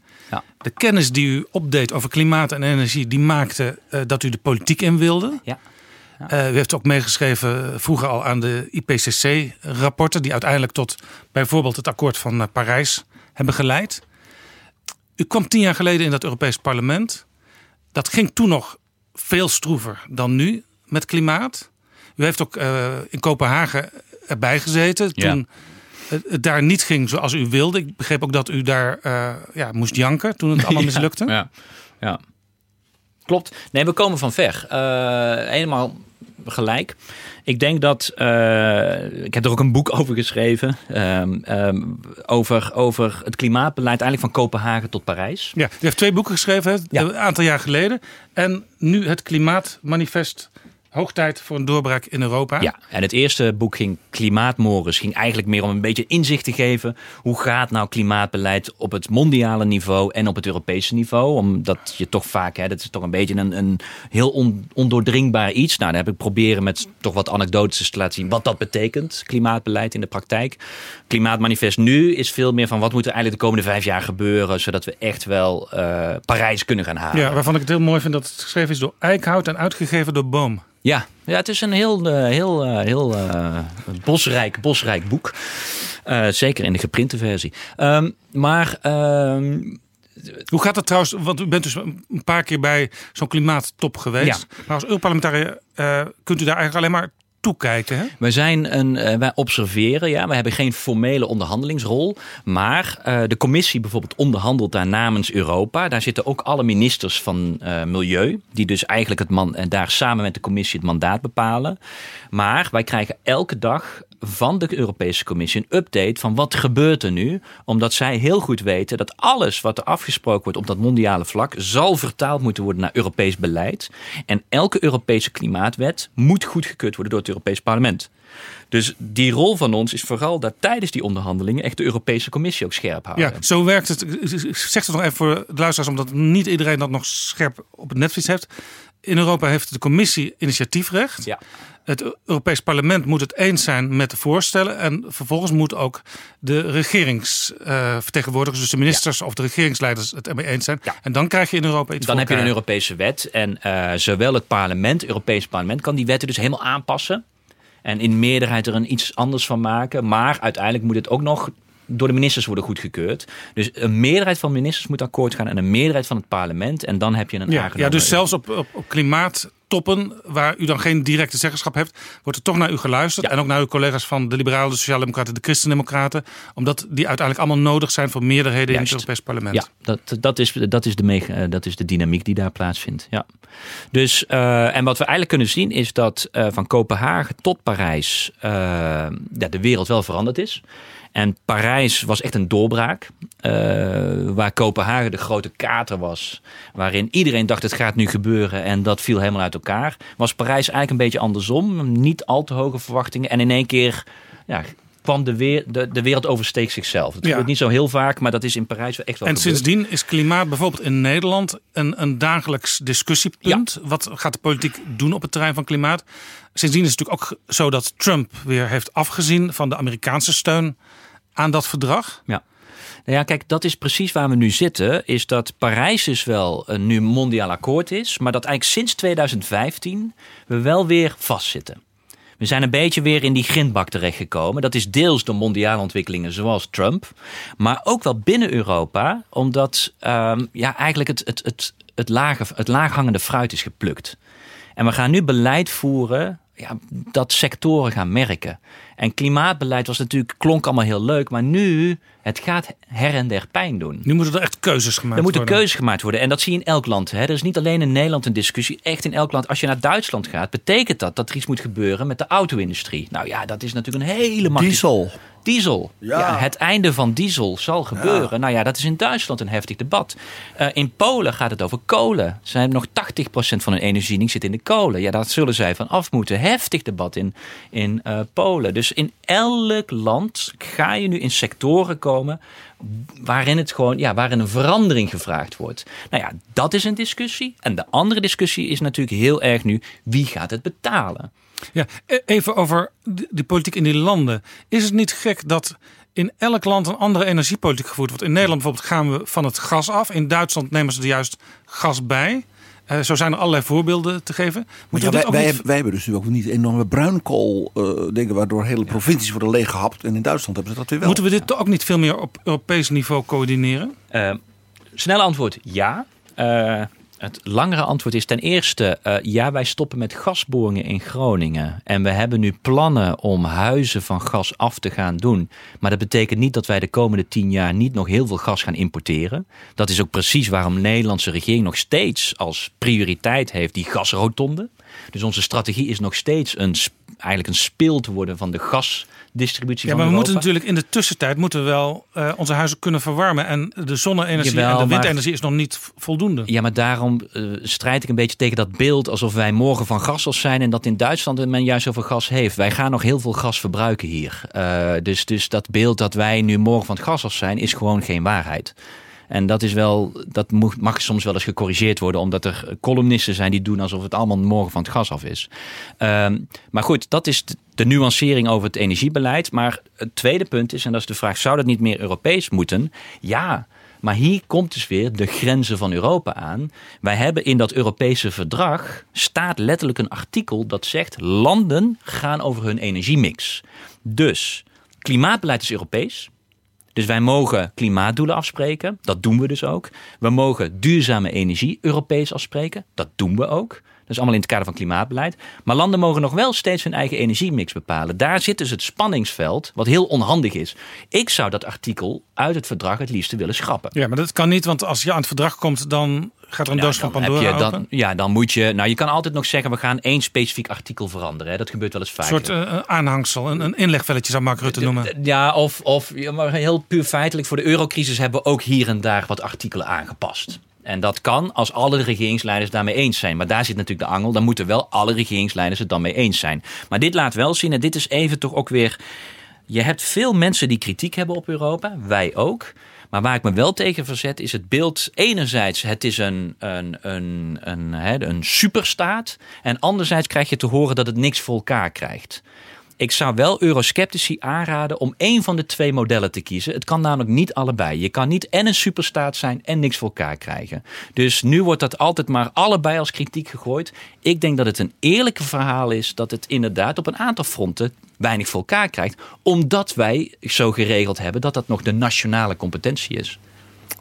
Het is heel interessant dat je precies dit punt aanstipt.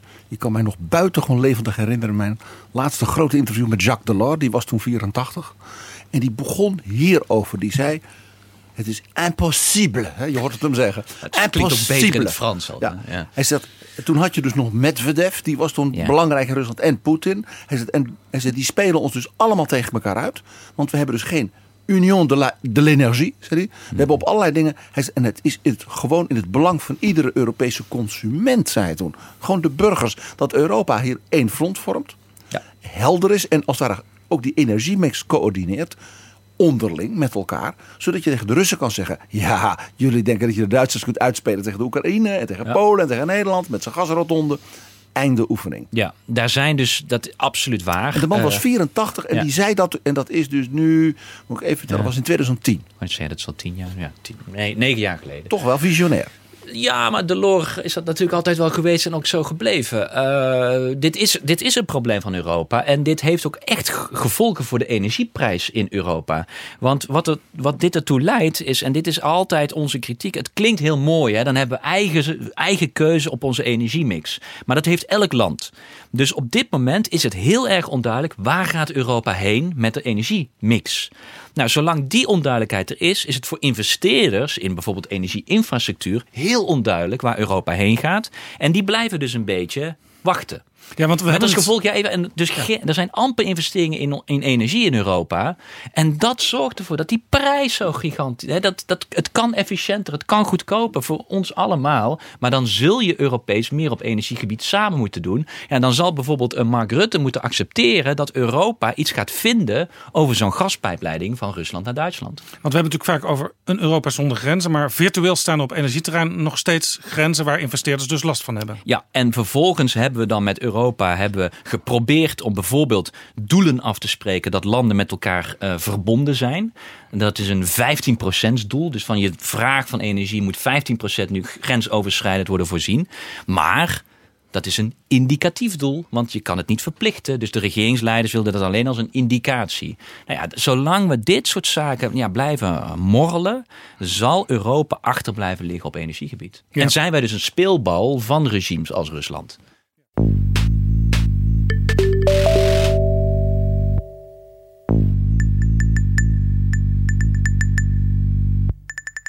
Dit is Jaap Jansen met Betrouwbare Bronnen. Er is nog een, eh, een, een, een bondgenoot bijgekomen voor u.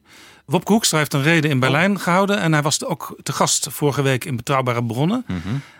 Een van de dingen waar hij voor pleitte was een veel sterker Europees klimaatbeleid. Eigenlijk zegt hij ook een beetje dat nationale gedoe, ja, daar moeten we vanaf. We hadden het al over die vliegtax die hij wil. Hij zegt ook veel minder landbouwsubsidies, wat zelfs voor zijn eigen partij niet gemakkelijk is. En, en Europees de CO2-belasting. dat is als dan al die 28 landen weer zelf gaan zitten morrelen aan de CO2. Mhm. Een beetje, het was een beetje wat toch een Dolorsiaans betoog. Hij zegt, doe dat dan met z'n allen. Mhm. Dan, ben je ook, dan heb je ook helderheid. En dan ga je dus ook geen eh, trucjes met belasting op CO2. Maar dan een beetje dat, zodat dat bedrijf bij ons blijft. Ja, ja. Ik vond dat een opvallende... eh, nou ja, ik, ik hoorde Jacques Delors. Ja, ik zou het niet, eh, niet te veel ophemelen. Eh, ik snap dat jij als christen... Nee, nee, nee, nee, oh, nee, nee, dit nee, is nee, puur partijneutraal. Nee, maar kijk, ik vond het wel mooi. Martin Visser van eh, de Financiële Telegraaf... die schreef wel in een column...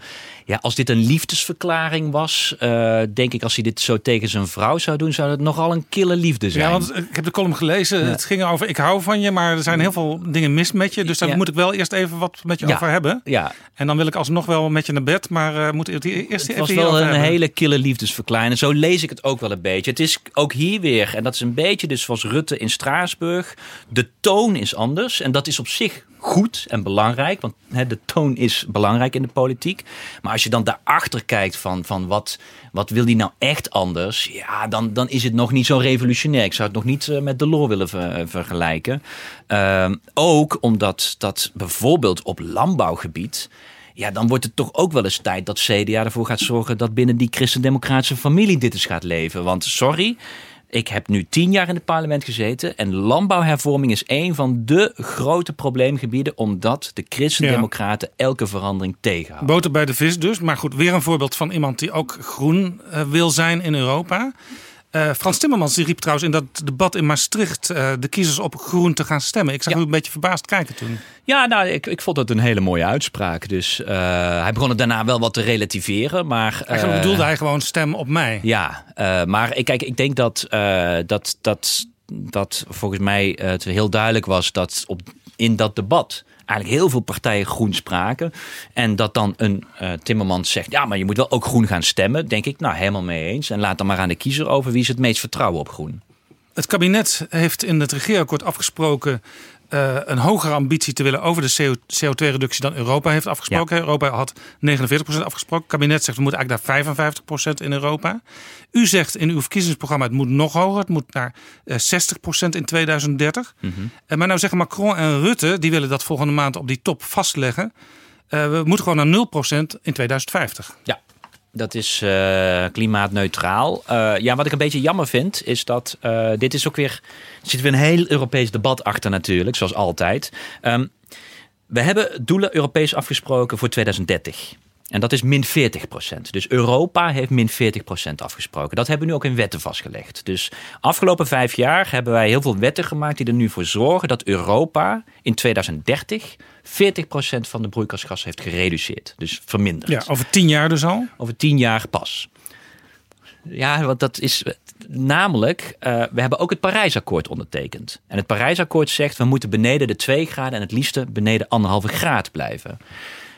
Er zijn allerlei wetenschappers die uitrekenen van oké, okay, wat betekent dat als je over dat soort voorkomen van klimaatverandering spreekt. En die komen tot de conclusie, dan moet Europa veel harder dan min 40 procent. Dus, dus Europa doet nog steeds te weinig. Ja, want u heeft ook uitgerekend, of althans die wetenschappers, maar u neemt dat over. Dat als je op de huidige manier doorgaat, dan wordt het aantal graden dat stijgt wel 3 procent. 3 graden. 3, wordt ja. 3 graden hoger. Juist. Ja, en dat rampzalig is. Ja, en dat hebben we dus ook. Ik bedoel, we hebben in Parijs iets anders afgesproken. Dus volgens mij is het toch altijd zo: als je iets afspreekt op mondiale vlak, moet je ook beleid invoeren die dat gaat doen. Dus Europa moet meer doen. Wat het goede is, is dat uh, Macron en de Nederlandse regering ook hebben gezegd: Nou, wij vinden ook dat er in 2030 dus meer ambitie moet komen. Alleen, en nu komt de truc, dat is politiek heel gevoelig. Dus wat Rutte nu heeft gedaan met Macron is de befaamde sprong naar voren. Is door te zeggen, we gaan het even niet over 2030 meer hebben. We gaan het over 2050 hebben. En in 2050 moet het een nul uitstoot zijn. Ja, dus hebben we nog 30 jaar en dan zien we wel tegen Juist. die tijd of het daar ongeveer uitkomt. Maar dit is een be beetje een bekende politieke truc. Als je er op korte termijn niet meer uitkomt, ga je het over de lange termijn hebben. Dus ik vind het hartstikke mooi dat, uh, dat, dat, dat Rutte dit nu samen met Macron zegt met alle respect, het Europees Parlement heeft dit ook al aangenomen. En een heel belangrijk verschil: het Europees Parlement heeft gezegd, maar als je dat voor 2050 afspreekt, dan moet je ook in 2030 meer doen. En het Europees Parlement heeft daar min 55% aan gekoppeld. Helaas hoor ik Rutte en Macron niet daarover. Dus ze praten heel graag over 2050, maar niet over 2030. En dit is weer even terug naar jouw PG. Hier zie je, men wordt over klimaat gesproken, maar er zitten zoveel ontsnappingsroutes die men bewandelt als het te moeilijk wordt. En dan heb je dus echt wel een, een stevige partij nodig die ze continu bij de les houdt. Ja, het is net echte politiek. Het, het, is, het is gewoon politiek. Maar dat probeer ik altijd. Europa is politiek. Het is duidelijk, u zegt uh, stem op mij, stem op GroenLinks in Nederland. Om de boel uh, stevig groen in te kleuren, permanent. Mm -hmm. Wij, aantal... voeren, wij voeren uit wat we beloven. Dat is denk ik het uh, belangrijke ja. punt. Ja. Kunt u een paar voorbeelden noemen van dingen die echt via u als groenen in het Europees Parlement tot stand zijn gekomen? Ja. Die uiteindelijk door Europa, dus ook door de, uh, de regeringen zijn overgenomen. Ja, zal ik er drie doen? Graag. Dan uh, een beetje bekend. Hij noemde drie. Nee, twee, één.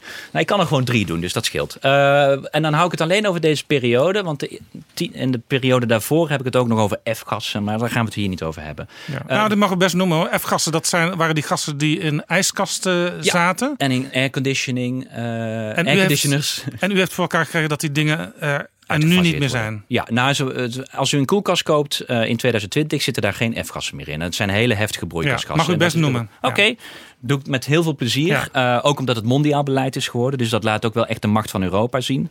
Maar de laatste vijf jaar wat, hebben we denk ik drie belangrijke stappen gezet. De eerste is dus, we hebben dat emissiehandelssysteem hervormd. Uh, zoals altijd politiek nog onvoldoende. Maar de CO2-prijs voor alle industrie was vier jaar geleden uh, kabbelde die echt rond de 5 euro per ton CO2. Nou ja, dat doet niks. Dat is een soort, soort slaapprijs.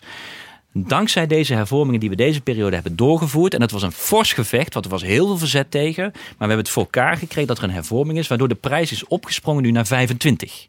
Dus we zien nu de prijs al 20 euro hoger. We weten dat het nog verder moet, maar dat is de volgende strijd. Maar we hebben hem al naar boven gebracht en daar heb ik namens de Groenen op onderhandeld. En uh, was, ik, was ik wel duidelijk, ik bedoel, de Europese Commissie heeft me nog in nachten zitten uitschelden dat ik een lastpak was. Dus, Want het idee is, hoe hoger die prijs voor CO2, hoe meer stimulans voor bedrijven, voor industrieën om te gaan innoveren. Ja, vanuit klimaatperspectief wil je de uitstoot beperken. Als jij een prijs geeft aan die uitstoot, dan is de, voor een bedrijf op een gegeven moment de keus: ga ik meer rechten kopen zodat ik meer kan uitstoten? Of ga ik dat geld investeren in een techniek die minder uitstoot? Nou, als die, als die CO2-prijs heel laag is, ja, dan blijf je gewoon rechten bij, bij kopen. Dan is uitstoten gewoon heel goedkoop. Dus die prijs moet een beetje omhoog gaan, zodat je echt innovatie stimuleert. Nou, Onderzoekers zeggen dat moet voor een Parijs-implementatie echt nog, nog richting 40, 50 en misschien nog hoger. Uh, dus we zijn er nog niet, maar we hebben wel echt een belangrijke stap gezet in deze periode. En daar heb ik gewoon namens de Groen op onderhandeld. Dat is één. Twee, uh, uh, biobrandstoffen. Hele heftige discussie. Ehm, waar wij als Groenen voor hebben gezorgd, is dat palmolie niet meer mag meetellen als duurzame energiebron. En daar met name nu Indonesië en Maleisië zijn daar des duivels om, want die exporteren heel veel palmolie. En van, bijvoorbeeld vandaag in een Duitse krant uh, heeft de palmolieminister van Maleisië mij beticht van dat ik er niks van begrijp. Nou ja, als een, als een Maleisische minister in een Duitse krant over mij gaat klagen, dan denk ik dat het wel aangeeft dat ik in ieder geval ergens iets voor elkaar heb gekregen. Anders zouden ze me niet noemen. Derde punt? Derde punt. Uh, voor de eerste keer in de geschiedenis van Europa hebben we nu CO2-normen voor vrachtwagens. En dat heb ik namens het Europees Parlement onderhandeld. Tot nu toe hadden we... Ja, u heeft daar zelfs een rapport over geschreven? Ja, ja dat is de wet geworden eigenlijk. En uh, namens het Europees Parlement heb ik die onderhandelingen gedaan.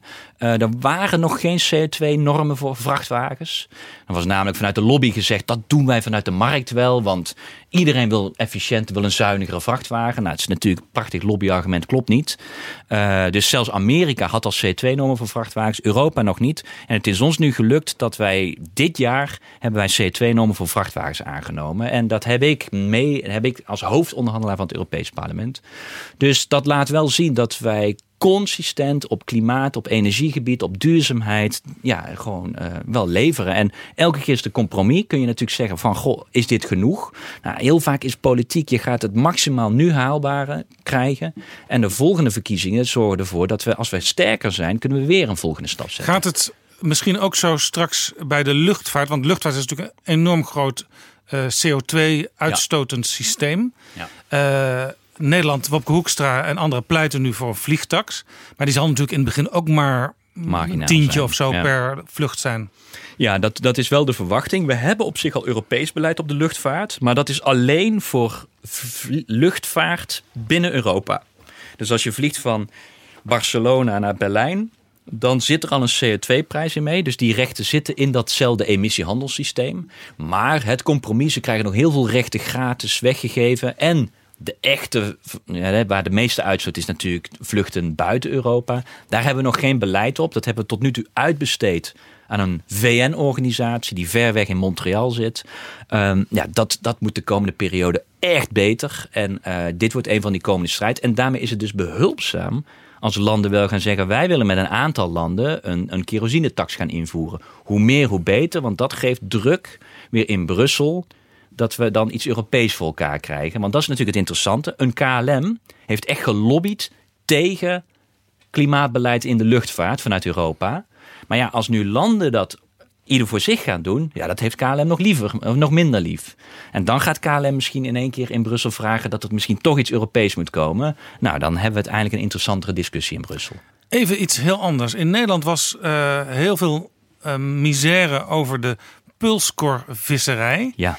Uh, Nederland had het idee, en ook, ook eigenlijk de hele Nederlandse tweede, bijna de hele Nederlandse Tweede Kamer, dat Nederland iets verschrikkelijk mooi innovatiefs had bedacht. Er hoeft niet meer met een sleepnet over de grond van de zeeën, van de oceanen te worden gegaan. Met veel vernielingen. Uh, kleine stroomstootjes, die vissen komen naar boven, ze worden gevangen en iedereen blij. Maar u bent daar wat sceptischer over. Hè? Ja. Want Nederland heeft het volgens u, uh, las ik in de internationale media, uh, niet helemaal goed gespeeld. Nee, dat is een understatement. Kunt u dat uitleggen? Ja, ja dit is, dit is uh, ja, een typisch voorbeeld waarin eigenlijk met name het, het Nederlandse ministerie van, van Landbouw en Visserij heel erg vanuit een Nederlandse bril naar dat debat keek. En, en dat dat dan toch in andere landen anders wordt gezien. Had Nederland technisch wel gelijk over die pulskorvisserij? Het ligt eraan waar je het mee vergelijkt. En daar zit dan net het kernpunt. Uh, Nederland heeft het continu in Brussel vergeleken met die meest vervuilende methode. Hè, die u ook noemde. Dat is die boomkort. Dat zijn die sleepnetten. En het is absoluut zo, als je gaat kijken naar die sleepnetten en dan met een pulskor, die bodem wordt dan veel minder uh, uh, beschadigd. En het is lichter materiaal, dus daarmee uh, verbruik je ook minder brandstof. Maar goed, als jij de meest vervuilende methode vergelijkt met puls en je zegt dan het is beter en daarmee goed. Ja, in een land als Frankrijk waarin een deel van de Franse visserij, niet iedereen, hè, maar een deel van die Franse visserij veel kleinschaliger opereert. En die ziet in één keer die pulsboten dichter tegen de kust aankomen, omdat die veel lichter zijn. Die sleepnetten, die zijn veel zwaarder, dus die konden niet al te dicht bij de kust als het te ondiep wordt. Die pulsvisserijboten, de pulskort, die kan dichter tegen de kust en werd in één keer meer een concurrent van die kleinschaligere visserij. En die kleinschalige vissers die waren ook al redelijk milieuvriendelijk bezig. Nou ja, daar kun je natuurlijk een hele discussie over hebben. Maar dat, dat is minder eensluidend dan als je het met die sleepnetten, die boomkorf vergelijkt. Dus Nederland zat het heel tijd met maar één soort te vergelijken. Al het onderzoek daarop te richten. Maar dat heeft ook heel erg te maken dat Nederlandse visserij heel erg vanuit die, vanuit die mindset nadenkt. Hè. Grote boomkor, hoe kunnen we dat verbeteren? Op zich heel goed. Alleen als jij dan in Europa nog steeds alleen maar dat verhaal vertelt. En dan als anderen met een tegenwerping komen en jij doet dat af als emotioneel gezeur. Ik bedoel, hoeveel heb je niet gehoord dat Nederlanders zeiden: dit is een emotioneel onterecht debat.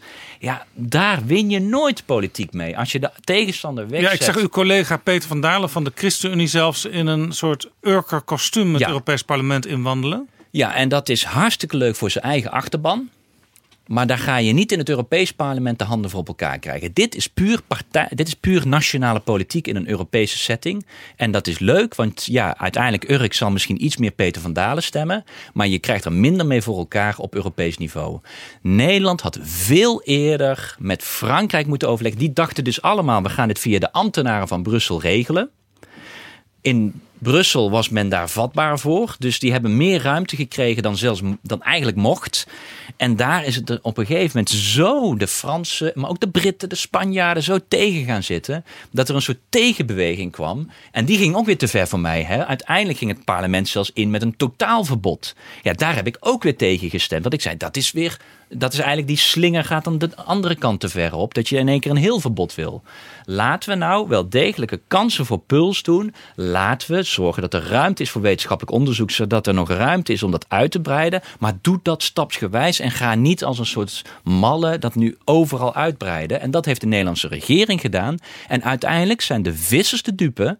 Want die zijn eigenlijk gouden bergen beloofd door Nederland. En die komen nu niet uit. Ja, en die hebben al geïnvesteerd. Ja, en, en dus in die zin heb ik ook gezegd dat ik het heel goed zou kunnen voorstellen als die vissers een, een klacht indienen naar de Nederlandse overheid. Want die hebben ze eigenlijk dus die vergunningen gegeven, zelfs gestimuleerd om die investeringen te doen. En nu komt Europees dat verbod terug. Even nog een laatste punt, want dat laat ook wel weer zien hoe krom het debat is. Nu heeft Carole Schouten gezegd: Nou, ik ga dat aanvechten bij het Hof in Luxemburg. Dus eigenlijk de, de rechtspraak ga ik doen. Ja, dat gaat. En, en ik ga het niet uitvoeren. Ja, sorry. Stel je nu even voor dat terwijl wij als Nederland nu overal roepen dat de Italianen belachelijk zijn op de begroting en dat land is belachelijk, je moet de Europese wetten volgen. En dan is er één wet die gewoon in meerderheid door lidstaten en in meerderheid door het parlement is aangenomen. En dan, die komt ons niet uit. En dan gaan wij meteen zeggen, die gaan we niet uitvoeren. Welk, hoe, hoe stevig kunnen wij dan, dan nog Italië op het budget aanspreken, denk je? Eigenlijk is mevrouw Schouten dan illegaal bezig. Ze gaat het verliezen. Dus het is, een, het is wederom voor de buren. Het is eigenlijk wederom vissers valse hoop geven. Want dit is nu aangenomen in een democratisch proces. We hebben dit verloren. Dat is echt verschrikkelijk, maar we hebben het verloren. En nu ga je doen alsof er nog een kans is, waarvan ze eigenlijk heel goed weet dat het niet zo is. Maar ja, er komen verkiezingen aan, dus kun je niet hardop zeggen. Je geeft ze valse hoop. En uiteindelijk zal het zo zijn dat Nederland dit moet uitvoeren. Tenzij Nederland het niet gaat uitvoeren, maar dan zal de commissie uiteindelijk Nederland voor de rechter slepen. En het verzwakt jou als Nederland ten opzichte van een land als Italië. Als je zoveel moeite hebt met hun begroting, zal Italië op een gegeven moment zeggen: Ja, maar jullie volgen de wet ook niet. Dus hoezo zit je te klagen? Je bent jezelf aan het ondermijnen. Ja, GroenLinks zegt meer dan veel andere Nederlandse partijen dat dingen bij voorkeur via Europa geregeld uh, moeten worden. Wilt u een Europees leger? Nee. Nee. Kijk, wij willen nu focussen op een Europa dat groener en vooral socialer wordt. Als er iets is waar Europa uh, echt faalt, is het op het sociale gebied. Daarom hebben we het heel erg over bijvoorbeeld dat, het, dat bedrijven echt belastingen. De grote bedrijven betalen veel minder belasting dan het middenkleinbedrijf in Nederland. Ja, u zegt zelfs in uw boek dat het, over het klimaatmanifest dat u hier de gele hesjes begrijpt. Ja, ja die begrijp ik. Omdat uh, Macron zijn eerste echte klimaatmaatregel was wederom een hogere prijs voor, voor gewoon consumptie van, van, van de normale mensen op de straat. Ja, dat begrijp ik. Hè. Groen en links, dat is Moet dus samengaan. klimaat en sociaal. Ja. Maar goed, uh, ja, maar daar Europa heeft ook potentie op het wereldniveau. Europa wil ook, luister maar naar de speech van uh, Wopke Hoekstra. Uh, landen als China, Rusland en eigenlijk denk ik erbij Trump tegemoet kunnen treden vanuit een eigen sterke positie. Hoort dus ook buitenlands beleid bij. Ja. Denk ik zonder al te veel veto's. En ja, bij buitenlands beleid hoort ook defensie. Nou ja, kijk, als u het nou in deze volgorde zegt, kan ik u helemaal volgen. Maar wat nu het probleem is, is dat eigenlijk mensen beginnen bij defensie. En voor ons is buitenlands beleid het sluitstuk defensie heel veel mensen beginnen nu met defensie. En ik kan je melden, dat vindt Europese wapenindustrie heel interessant. We hebben nu zelfs zo gek gemaakt dat wij eigenlijk klagen over al die nationale legers. Dat het niet efficiënt is. Helemaal mee eens. Maar voordat we gaan praten over hoe kunnen we dat efficiënter doen, is er nu in het Europese budget ook ruimte voor het. Voor ja, maar wacht even. Ja, maar dan laat je dus in plaats van efficiënter leger, ga je eigenlijk een nieuwe tak bouwen in Brussel. Dit is alleen maar, nee, tot maar nu begrijp, meer ik, geld ik begrijp voor dat de, de wapenindustrie het interessant vindt, maar als je een krijgsmacht hebt, dan heb je ook wapens nodig. Ja, maar. Okay. En als je ze gezamenlijk inkoopt als Europa, dan is, kun je een derde van de kosten besparen, zegt Wop Koekstra. Ja, als wij het hebben over toekomstige veiligheid, dan denk ik dat we veel meer moeten gaan investeren in IT. De toekomstige bedreigingen, de toekomstige oorlogen worden niet meer met maarschals gevoerd. Nee, daarom is de, de Chinese defensie ook heel erg bezig met alle IT- en cyberoplossingen en drones. En als nou laten we vooral met cybersecurity, hè, eh, dan dat zou nou iets zijn waar Europa vooraan moet staan. Maar dat is het niet wat wij doen. Wij hebben het inderdaad over militaire macht en over militaire investeringen. Ja, bij de NAVO zijn ze ook over cyberwarfare aan het spreken. Dat is hun nieuwe pilaar. Ja, maar daarom dat ik val over, hè, als de vraag is, wilt u een Europees leger? Is het antwoord nee, omdat wat ik zie in het Europese debat is dat gewoon old school wapenhandel en wapeninvesteringen. Ja, ik begrijp dat de GroenLinks is natuurlijk opgericht mede door de PSP en die zijn van het gebroken geweertje. Maar als je samenwerking wil in Europa, ook met militaire macht daarbij, dan heb je wapens nodig. Ja, het is toch fascinerend dit. Ja, is dat echt nou... Ja, dat is toch... Ja, ik, meestal mannen houden wel van, uh, van dit soort wapens. Ja, nou ja, vroeger had je de PPR. Hè? Dat is ook een van de oprichters van de uh, ik ken het, ik ken mijn uh, GroenLinks geschiedenis. En die gaven boekjes uit, die heb ik thuis nog in de kast staan. Over dat je verkeersborden moet omdraaien en zo als de vijand uh, naderbij komt. Want dan ja, krijg je de kant op. Kijk, ik ben, niet, ik ben niet zo van de, die naïeve lijn. Ik, ik sterker nog, ik denk echt dat de toekomstige bedreiging, dat we die heel erg onderschatten. En ik ben absoluut voor een sterker Europa op, he, op veiligheid. Maar de toekomstige veiligheid zullen we echt eerst moeten bevechten. Juist over cyber. Cyberwars gaan de toekomstige oorlogen worden. Veel meer dan echt die legers. Dus wat onze opdracht is, is juist op die nieuwe technologieën zorgen dat we daarop veel beter worden. Want daar liggen we echt achter op Verenigde Staten en China. Daar zou je op moeten inzetten. En zet ondertussen in op meer samenwerken van de huidige legers. Ik zeg niet dat je uiteindelijk niet ergens wapens nodig hebt. Maar wat er nu gebeurt is dat wij in Brussel een nieuw wapentuig gaan aanschaffen. Ja, dat is echt onzinnig. Het kan efficiënter als we het samen gaan werken. Laten we daarop focussen. En laten we vanuit Europa nou juist die nieuwe uitdagingen aanpakken. Dan hebben we het over een moderne defensie. En dan kun je met ons praten. Maar nu wordt echt een beetje iets te veel inderdaad geredeneerd. Nou, laten we maar beginnen met de veiligheid met een leger. In uw eh, GroenLinks verkiezingsprogramma wordt wel gezegd... Uh, wij willen militaire interventies bij dreigende genocide. Ja. Betekent dit dat u de Fransen in Mali steunt? En de Italianen als het gaat om Libië? Nou, kijk, niet in de huidige vorm. Kijk, Mali, uh, dat, dat was een hele lastige discussie ook. Hè, van wat, wat doen we daarin? Op dit moment in Libië is het een. Eh, kijk, wat wij ook zeggen is: het moet wel een effect hebben. En bijvoorbeeld in een land als Libië is het nu zo'n chaos. Als je daar nu probeert ook iets binnen te doen, ga je waarschijnlijk het alleen maar verergeren. Dus, dus waar wij voor zijn, is ervoor te zorgen dat, dat juist die hele hè, die conflicten in een land als Libië niet totaal ontsporen. Daar moet je voor zorgen. Omdat dat, een militaire interventie is daar op dit moment gewoon onzinnig. U wilt ook een kernwapenvrij Europa. Uh, u wilt ook een Europese zetel in de Veiligheidsraad. Macron ziet u aankomen. Die heeft een kernwapen en die heeft een zetel in de Veiligheidsraad. Ja, maar dat is eigenlijk ook wel bewust om Macron een beetje uit te dagen. Want die houdt prachtige toespraken over Europa. Maar komt dan wel op allerlei gebieden met voorstellen die de Fransen geen pijn doen. En dan is het nu ook wel aan Macron om echt een keer te testen hoe Europees ben je nou. En als er iets is waarin eigenlijk Europa zwak staat, is op het wereldtoneel, het diplomatieke wereldtoneel. Uh, kijk maar even naar klimaatonderhandelingen. Daar is Europa ook echt een, een zwakke speler. Uh, zorg nou dat we daar sterker staan. Nou, dat is een van de voorstellen absoluut van laten wij nou als Europa in die veiligheidsraad. Laten we die veiligheidsraad sowieso hervormen. We zitten daar nog steeds met de vijf overwinnaars van de Tweede Wereldoorlog. Ik denk dat het tijd is om eigenlijk alle continenten vertegenwoordigd te laten zijn. Afrika zit niet hè, in de vaste leden van de, van de Veiligheidsraad. Dus dan is een hervorming nodig. En laten wij als Europa dat stimuleren. En laten we als Europa zeggen: wij willen met één zetel innemen. Dat zou zo'n stap vooruit zijn. Maar het klopt, dat, dat gaat de Franse pijn doen. En Macron is dus ook tegen. Maar dat laat ook wel weer zien hoe Europees is Macron nou echt. Ja, we hadden het uh, straks over uh, de Europese liberalen die volgens u verdeeld zijn. Waar Macron dus ook met zijn club uh, bij komt. Waarschijnlijk. Ja. Waarschijnlijk. In Betrouwbare Bronnen was een tijd geleden Sophie in het veld te gast. Toen ging het over haar koers voor de Europese verkiezingen. Mm -hmm. En zij zei, dat klopt, wij zijn wel eens verdeeld als liberalen. Maar de sociaal-liberalen die hebben vaak eh, de meerderheid daar. En we willen nog socialer worden. En we, ik nodig, zegt Sofie in het veld, Bas Eickhout en zijn mensen uit om toe te treden tot onze ALDE-fractie. Ja, nee, dat, dat, uh, dat is vriendelijk bedankt voor de uitnodiging.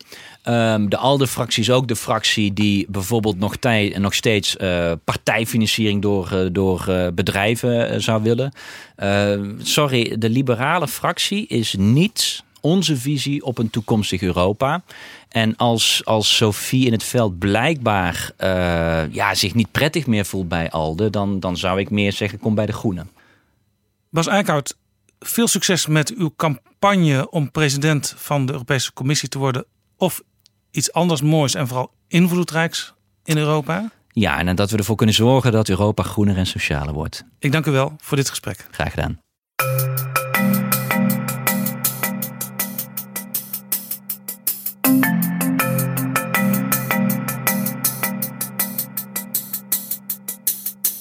Zo, dit was Betrouwbare Bronnen, aflevering 37. Vond je het interessant? Laat dan zoveel mogelijk mensen dat weten. Spread the word. Hoe meer luisteraars, hoe meer vreugd. Betrouwbare Bronnen is bijna overal te vinden, ook bijvoorbeeld op Spotify. Tot volgende week. Betrouwbare Bronnen wordt gemaakt door Jaap Jansen in samenwerking met dag en nacht.nl.